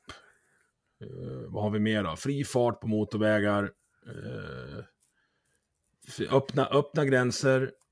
Men, men, men, men då tänker jag så här, när du säger fri fart, hur ska liksom... Men du, in, du fattar att du ska vara med och pröjsa liksom, akutsjukvården samtidigt? Ja, ja. Men Ja. och- och så har vi så att de sämsta bilförarna kommer ju köra ihjäl sig och de orsakar ju 90% av olyckorna. Det är någon sån... nu, är det, budgetteknisk- nu är det någon slags Nu är på darwinistisk nivå. Ja, Jag tänkte säga, nu är det mer Herman Lundborg. Nu är det liksom rasbiologi som du börjar ängla mot. Nej, nej, nej. Jag sa inte att, att det var bara svenskar som var dåliga bilförare. Det var du som la in den. Jag har inte sagt någonting. Men, men, nej, men för jag tänker att det känns som att, så här, det känns som att du har många invändningar mot dagens system. Men, Ja. men, eh, men, men du tänker ändå att vi typ ska ha det som idag. Så här, vi ska ha ett klassamhälle som är förtryckande. Nej, nej, De nej. håller folk jag sa, nere. Jag sa bara att jag inte har problem med klassamhället. Nej, men om du säger att... Nej, men om, eftersom vi sitter nu och pratar om liksom, eh, politik i både smått, små, smått och stort. I både visioner och liksom sådana små grejer. Så när du säger att du inte har något problem med ett klassamhälle, då antar jag, då förstår jag ju dig som att du vill ha, du, ty, du tycker att vi kan ha ett klassamhälle. Det är liksom inget problem. Jag tror, att det, jag tror att det är oundvikligt för att folk är olika intresserade av att arbeta och har olika förutsättningar för att göra ett bra arbete. Vilket gör att du kommer få en indelning i lönenivåer. Men det har ju knappt, men jag menar det har ju så här. Jag menar, om det var så att hårt arbete lönade sig. Då skulle ju liksom ry- ryska kolgruvarbetare vara de rikaste i världen. Så att jag menar, hur många, jag menar, hur många sådana här överklassöner och döttrar. Det måste du ha träffat någon gång. Hårt I alla fall har gjort. Jodå, de- Som aldrig, som är liksom kraftigt underbett, lätt inavlade. Som liksom inte har jobbat en dag i sitt liv och som bara glider igenom på en räkmacka. Ja, Ja. men om man då För tar det är ju bort... så, det- för jag menar när du pratar om konkurrens. Men jag menar klassamhället upphäver ju verkligen konkurrensen. Ja, det gör det ju svårare. En, en, Alltså, fattig, det- en, fattig, jag- jag en, förstår fa, en, precis. fa, en fattig unge i Indien har ju inte en möjlighet i helvete att och liksom, ehm, eh, och konkurrera med en svinrik unge i Washington. Nej, Nej? så är det ju. Men om vi skulle då, om jag skulle motsätta mig det, om vi skulle platta ut det så att alla får samma förutsättningar, då måste du ju ha så här 100% i arvsskatt och liknande eh, tok, vilket gör att mitt incitament för att jobba lite hårdare och lite mer för att mina ungar ska få det bättre försvinner ju då. Men det här är ju också så här, det säger ju någonting om, jag tänker när du säger 100% i arvsskatt, för att jag menar, då är, ju- du är ju fortfarande låst i, du är fortfarande låst i dagens ramar, att det inte finns någonting bortanför det. För jag menar, har du ett gemensamt ägande, vad finns det för liksom, Fast för att komma till ett gemensamt ägande så kommer du behöva ha en blodig revolution. alltså, varför ska den vara blodig? Är ju det, det är ju att jag kommer första... säga nej när de kommer få ta mina saker. Ja. Ja, jaha, tänkte jag säga. Mm. Det finns, jag menar, det finns ju många människor som är... eh, Det finns väl... eh, eh, Det finns väl många människor idag, menar, från alla delar av det politiska spektret som, som motsätter sig det systemet vi har idag. Jo, alltså jag vill ju också förändra det, men inte genom att tvinga någon att nej men, avstå nej någonting men varför skulle, jag, varför, skulle, varför skulle jag tvinga, alltså så här. Men jag menar, det är så här. Om vi skulle ha en, om vi skulle ha en revolution, för jag menar en revolution är ju inte i sig, är ju inte ett väpnat uppror. En revolution är ju en samhällsomvandling och det har vi ju haft flera stycken revolutioner genom historien. Den närmaste är just den som jag pratade om tidigare, när vi hade en borgerlig revolution. När borgarklassen vä- växer fram och, och tar över den gamla aristokratin och överklassens liksom, plats. De tapp, överklassen tappar ju sina makt och sina privilegier. Och det blir ju istället borgarklassen som Mm. liksom, tar över. Så jag menar, eh, ja det var väl lite blodigt i Frankrike där. Det var väl några huvuden som rullade i, i, giljoti- giljotinen. Men jag menar, Det gick sådär för Gustav Vasa 1520-talet när han kom tillbaka och skulle ta våra kyrkklockor. Det blev inte så. Det finns, det finns fortfarande sådana 115 kilos masar här som inte kommer låta någon ta mina grejer och ge till någon annan utan att ställa mig i vägen. Nej, men eh, ja, vad ska jag säga? Det finns ju inga, finns ju inga. Nej, men då hamnar vi ju där. Då är det ju status quo då. Då ska ingenting, ingenting ska förändras. Människor ska fortsätta att leva i ett förtryckande vi ska ha klassamhälle. Vi Människor ska ska fort... pappersbruket i Grängesberg, eller vad var det? Fredriksberg. Fredriksberg? Nej, det tycker jag inte. Det, det, tiden har ju, det har ju, det har ju tidens, tiden har ju sprungit ifrån det. Men jag menar, vi kommer ju... Då kommer vi tillbaka till det här. Vi skapar fortfarande värden som är... Vi är, liksom, vi är färre idag som jobbar i industri och produktion Mm. än någonsin. Och trots det så skapar vi större värden än vad vi någonsin har gjort. Vi har, liksom, vi har, vi har aut- automatiserat liksom stora delar av industrin. Ja, varför ska jag jobba då? Fördela värdet istället för guds skull. Så kan, så kan vi allihopa jobba eh, två timmar om dagen. Det är ju Ja, kanon. då, kommer ju, Då är du ju då verkligt fri. Finnas, då kommer det inte finnas incitament för de som kommer på hur man automatiserar. Om de inte kan tjäna pengar i slutändan på det. Det är klart. Det är ju, män, det är ju, människans, det är ju, människans, det är ju människans natur. Va, vad är det som liksom så här, vad är det, vad, vad skulle du säga? För jag blir mer och mer filosofiska. Men jag menar, vad är det som driver människan? Och få det bättre. Och ha det bra. Fast det håller jag inte med. Men för jag menar, varför skulle vi då ha lämnat grottorna? För att det var bättre utanför. Och för att det fanns snyggare brudar på andra sidan ån. Men det var ju liksom en okänd, det fanns, var ju en helt okänd värld. Och det fanns ju säkert platser som var liksom, det fanns ju säkert platser som var, ja men liksom, man hade ju liksom gött i grottan liksom. Det var ju gött Det tror jag i inte. grottan. Det är klart det var gött tror i grottan. De satt där, de spelade liksom, spelade spel. Sy, Nej, sydde, det gjorde nå- de sy, inte. De- sydde, sydde något schysst liksom, höftskynke. Tillagade någon liksom, så här, vildhäst som de hade hetsat ner för ett stup. Och sådär. Men alltså, vad, vad, är det vi, vad är det vi söker? Liksom? Vad är det människan hela tiden söker? För jag En menar, så- bättre vardag för sig själv och sina barn. Det tror jag är men jag menar när vi hade, grundkraften. när, ja, men vi hade kommit ut genom för grottan liksom. Ja, Du, vänta, vänta Ja. två minuter. Jag måste slänga i en, en uh, matgrej i ugnen. ja gör det.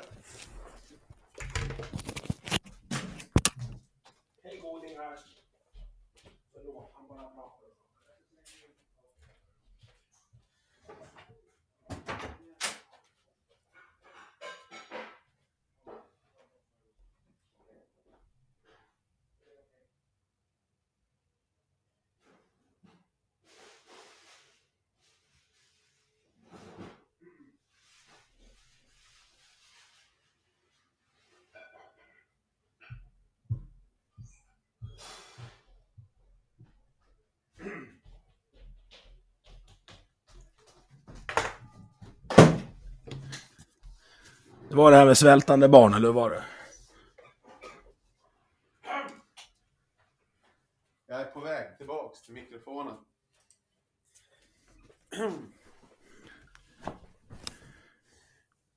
Det var det här med svältande barn. Ja, Lina precis. höll på att klassificera sig själv som det nu, så jag var tvungen att slänga in lite potatisbullar i ugnen.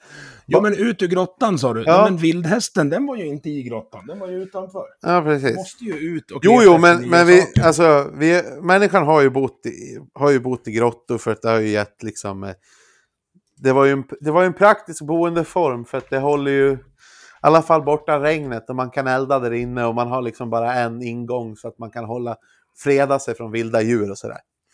Ja. Mm. Men sen när vi hade gjort det då. Ja, så fortsätter vi ju liksom över ån som du sa. För där fanns det någon, någon, någon snygg partner. Så. Mm. Potentiell partner. Ja. Men vi alltså förstår du, människan fortsätter ju hela tiden. Vi strävar ju hela tiden. Ja, och där är Framåt. vi överens. Alltså, kapitalismen kommer eh, förmodligen ersättas av någonting annat. Mm. Jag tror att det är mindre kollektiv med frihandel än eh, var, var, hur länder ser ut idag. Medan du tror att staten ska, ska på något sätt ta bort sig själv. Och jag har jättesvårt att förstå det. Nej, men jag tänker att människan hela tiden söker frihet. Ja. Liksom, det, varför? Det är också så här. Men hur definierar du det då? Du bad mig nyss. Mm. Vi, vi har ju liksom betvingat, vi har betvingat naturen. Vi har lagt naturen, från att vi har levt i naturen, med djuren, så har vi betvingat naturen. Vi har byggt stora jävla köpcentrum över norra Europas bästa odlingsjordar och så. liksom. Och vi har, fortsätter, vi har tagit oss till månen, vi är på väg att ska ta oss till Mars. Vi försöker liksom the sky is the limit brukar man säga. Men här är ju liksom för fan världsrymden som är the limit någonstans. Vi håller på och krockar eh, neutroner, elektroner och alltihopa i de här partik- ac- partikelacceleratorerna. Kineserna håller på att bygga någon slags konstgjord sol.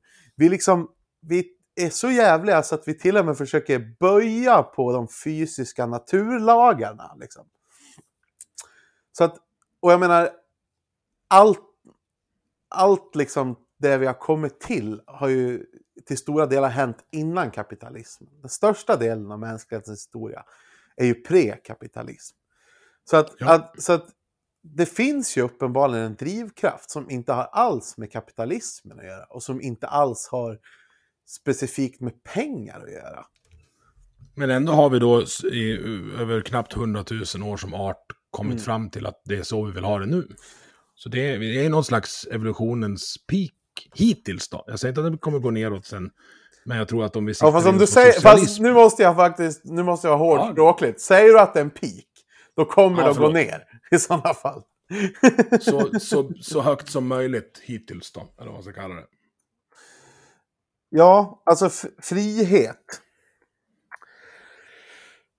det är ju, alltså jag tänker att det är någonstans det som vi människor eh, det som vi människor strävar efter hela tiden. Eh, Ja, där är vi överens. och alltså jag tänker att vi ska frigöra oss från arbetet. Det är liksom nästa steg nu. Mm. Och, det, och det gör vi ju liksom genom socialismen.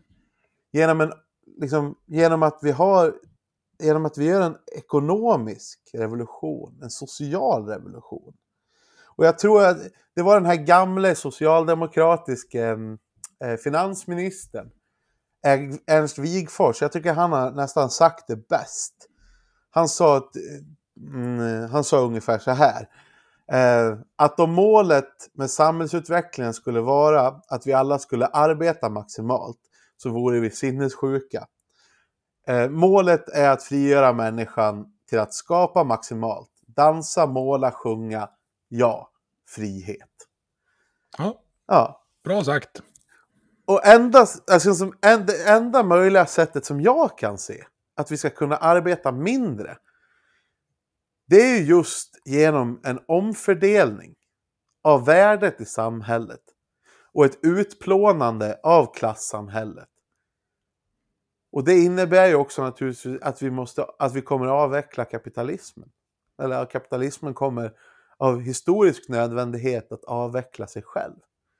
För man kan inte vara fri när man tvingas sälja sin arbetskraft. Och man kan inte vara fri eh,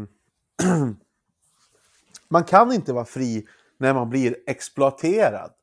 Som vi alla blir i kapitalismen. Man kan inte vara fri när när liksom när allting eh, görs till en vara. Det skulle jag kalla för rent omänskligt.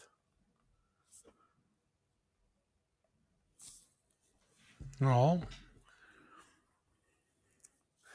Och jag skulle säga att... ja det, men är allting en vara då? Och min, min, min utläggning här nu, jag tror att, för jag tänker på det här du sa att, ja men, låt oss säga då att du är banjo-höger, men då vill jag banjo-vänster då i sådana fall.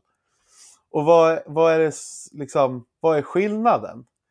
Och då skulle jag säga att skillnaden är att, att jag som är socialist har en annan medvetenhet eh, vad det gäller historien och den historiska utvecklingen. För jag känner att det är, liksom, det är lite dit så här, vi kan vara överens om vissa grejer och så har vi motsatt liksom, uppfattning om vissa saker. Men eh, det känns som att man från höger aldrig riktigt har den historiska utvecklingen eh, i, liksom ideologiskt i sig.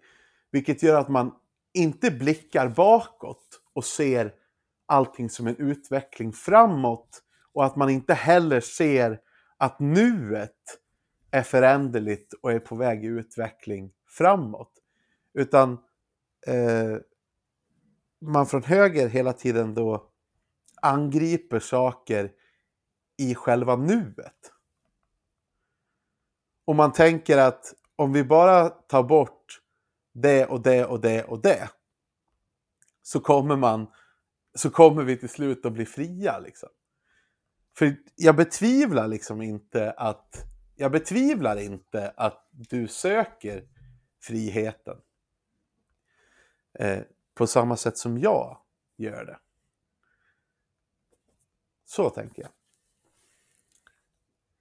Ja, jag vet, ja, jag vet inte riktigt hur jag ska... Jag tycker att jag har försökt förklara, men... Alltså anledningen till att jag är höger är ju att just att jag vill ju effektivisera staten. Och jag tror att staten effektiviseras bäst genom att tvinga den att effektivisera. För nu har vi gått från en offentlig men- men du sektor vill till en offentlig sektor. Ja. Men du vill ha staten kvar.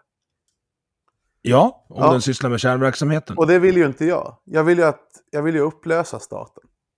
Ja, och jag tror inte att, jag tror att det skulle bli den starkes rätt då. Jag tror att det blir, det, alltså det är jättefint och så att man, man vill ha en värld eh, där alla är osams, eller alla är sams och man inte behöver något försvar.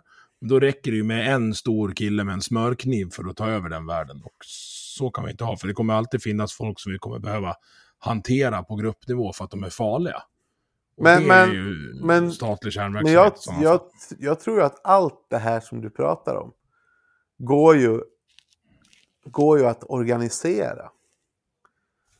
Jo, Men det då behöver inte, men det behöver inte, behöver inte organiseras med en stat liksom. För jag menar, det är det här som jag också ser som motsättningen. För jag menar, samtidigt som, som man då från höger pratar sig varm om friheten så är det också så att man är de första som ropar på mer polis, mer fängelse, mer bomber. Alltså egentligen alla de saker som, som samhället har i sin verktygslåda för att kunna förtrycka.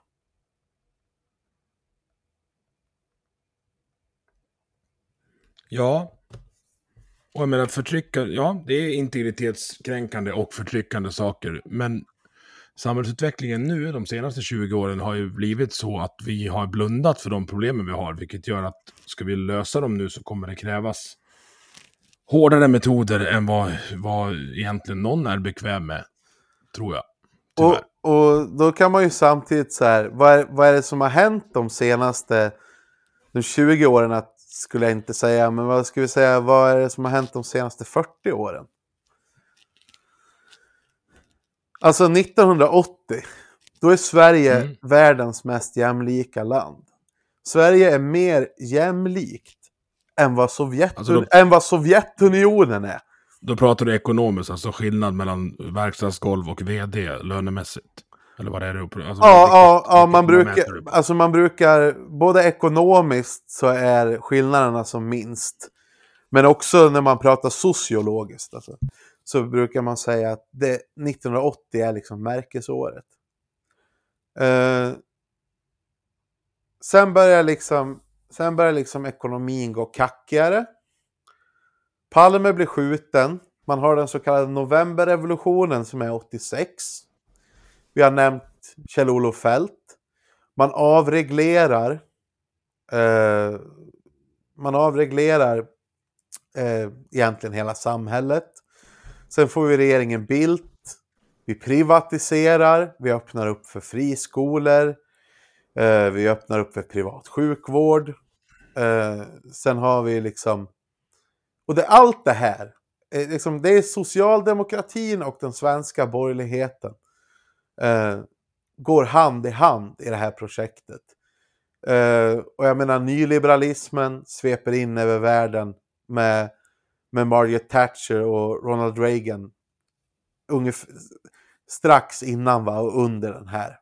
Som vi har den här hela samhällsomvandlingen i Sverige. Eh, allt det här gör att vi får större, vi får större klassklyftor. Det blir större ekonomiska skillnader. Alltså all form av ojämlikhet ökar. Och all form av eh, liksom kapitalistiskt kaos släpps in i, i allt fler, det där, i allt det fler verksamheter. inte. Alltså det, klyft, klyfter, alltså spreaden mellan den som tjänar minst och mest. Jag köper inte det som, som grund till eh, kriminalitet till exempel. Alltså det, eh, jag, jag får så svårt för det, för alltså när man har, som, om vi tittar på hur det ser ut idag, där det, där det är som värst kriminalitet, det är i våra utsatta områden. Det är fortfarande en liten, liten del. Alltså jag, jag vägrar köpa narrativet att det skulle ha någonting med etnicitet att göra. Och jag, jag, jag köper inte det där med, med ojämlikhet där. Så länge alla får det lite bättre hela tiden så borde inte det generera den form av kriminalitet vi har idag som kommer kräva de här hårdföra metoderna för att, för att komma till rätta med. Vi, haft en, vi hade en bankkris. Det var precis när jag var i stånd att komma ut på arbetsmarknaden vill jag minnas. Var det inte 2008, 2009? Hade vi en stor bankkris. Och nu har vi en inflation. Börjar du råna då? Nu har, vi, nu har vi en inflation på uppgående. Jag menar, alltså, när du säger att alla får det lite bättre och bättre.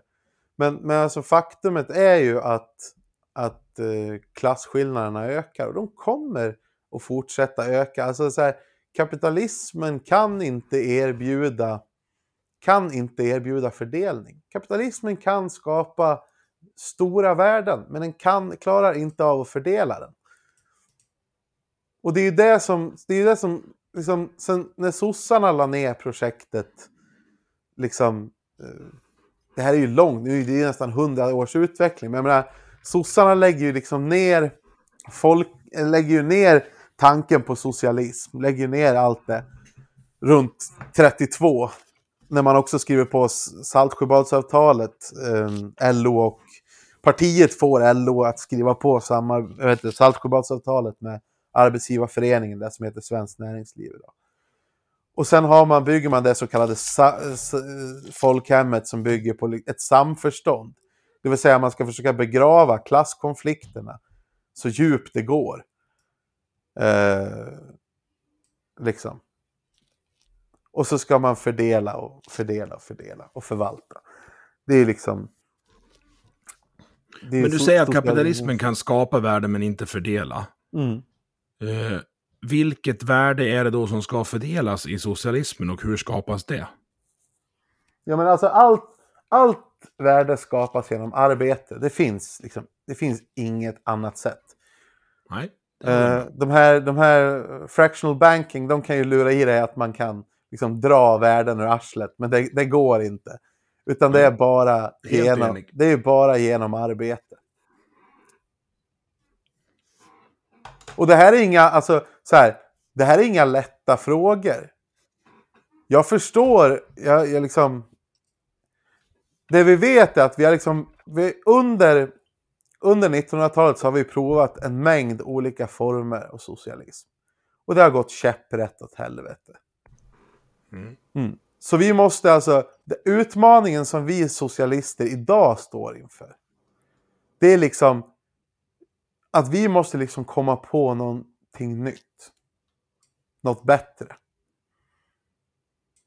För vi kan inte göra om de misstagen som man har gjort under 1900-talet. Det står helt klart. Samtidigt så vet vi att kapitalismen är ohållbar. Och att kapitalismen är på väg mot sitt slut. Va? Frågan idag är väl kanske om den kommer ta med sig om den ska ta med sig mänskligheten i fallet eller inte. Men men vad som är direkt, alltså vad som är nödvändigt, det är ju det att arbetarklassen måste ta makten. Över, över samhället. Och sen kommer ju det, och sen kommer ju det svåra för att alltså alla tidigare revolutioner, alltså hela historien den enda räcka av olika former av klassamhällen. Och som, om vi faller tillbaks då på den här, återigen, den borgerliga revolutionen. Det, det som händer då är ju att borgarklassen tar makten från överklassen, den gamla överklassen. Här ska alltså arbetarklassen ta makten och sen i princip alltså förinta alla andra klasser.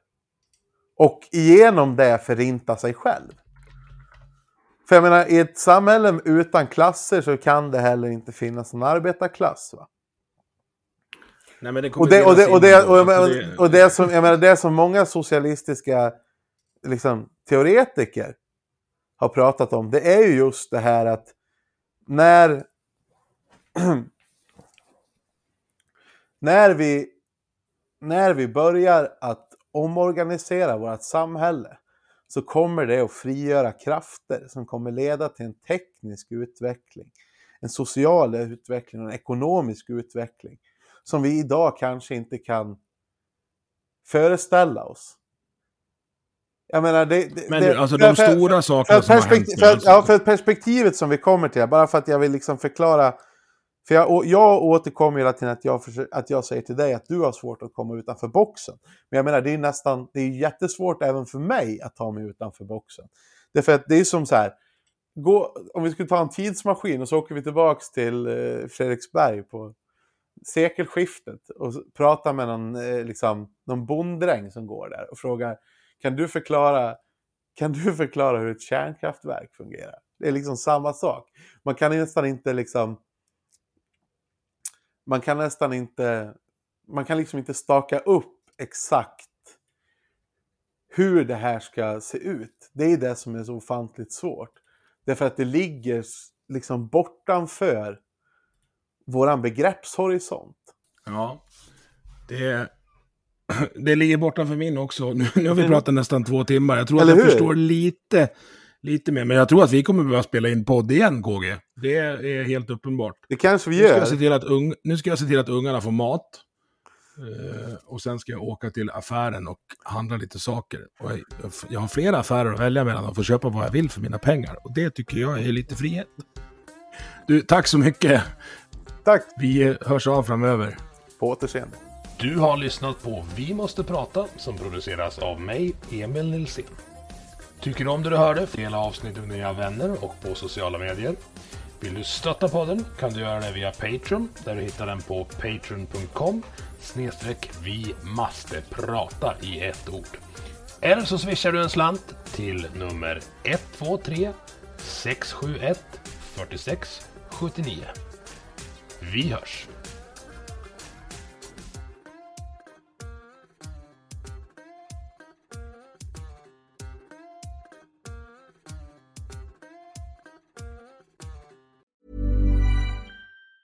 Normally, being a little extra can be a bit much, but when it comes to healthcare, it pays to be extra.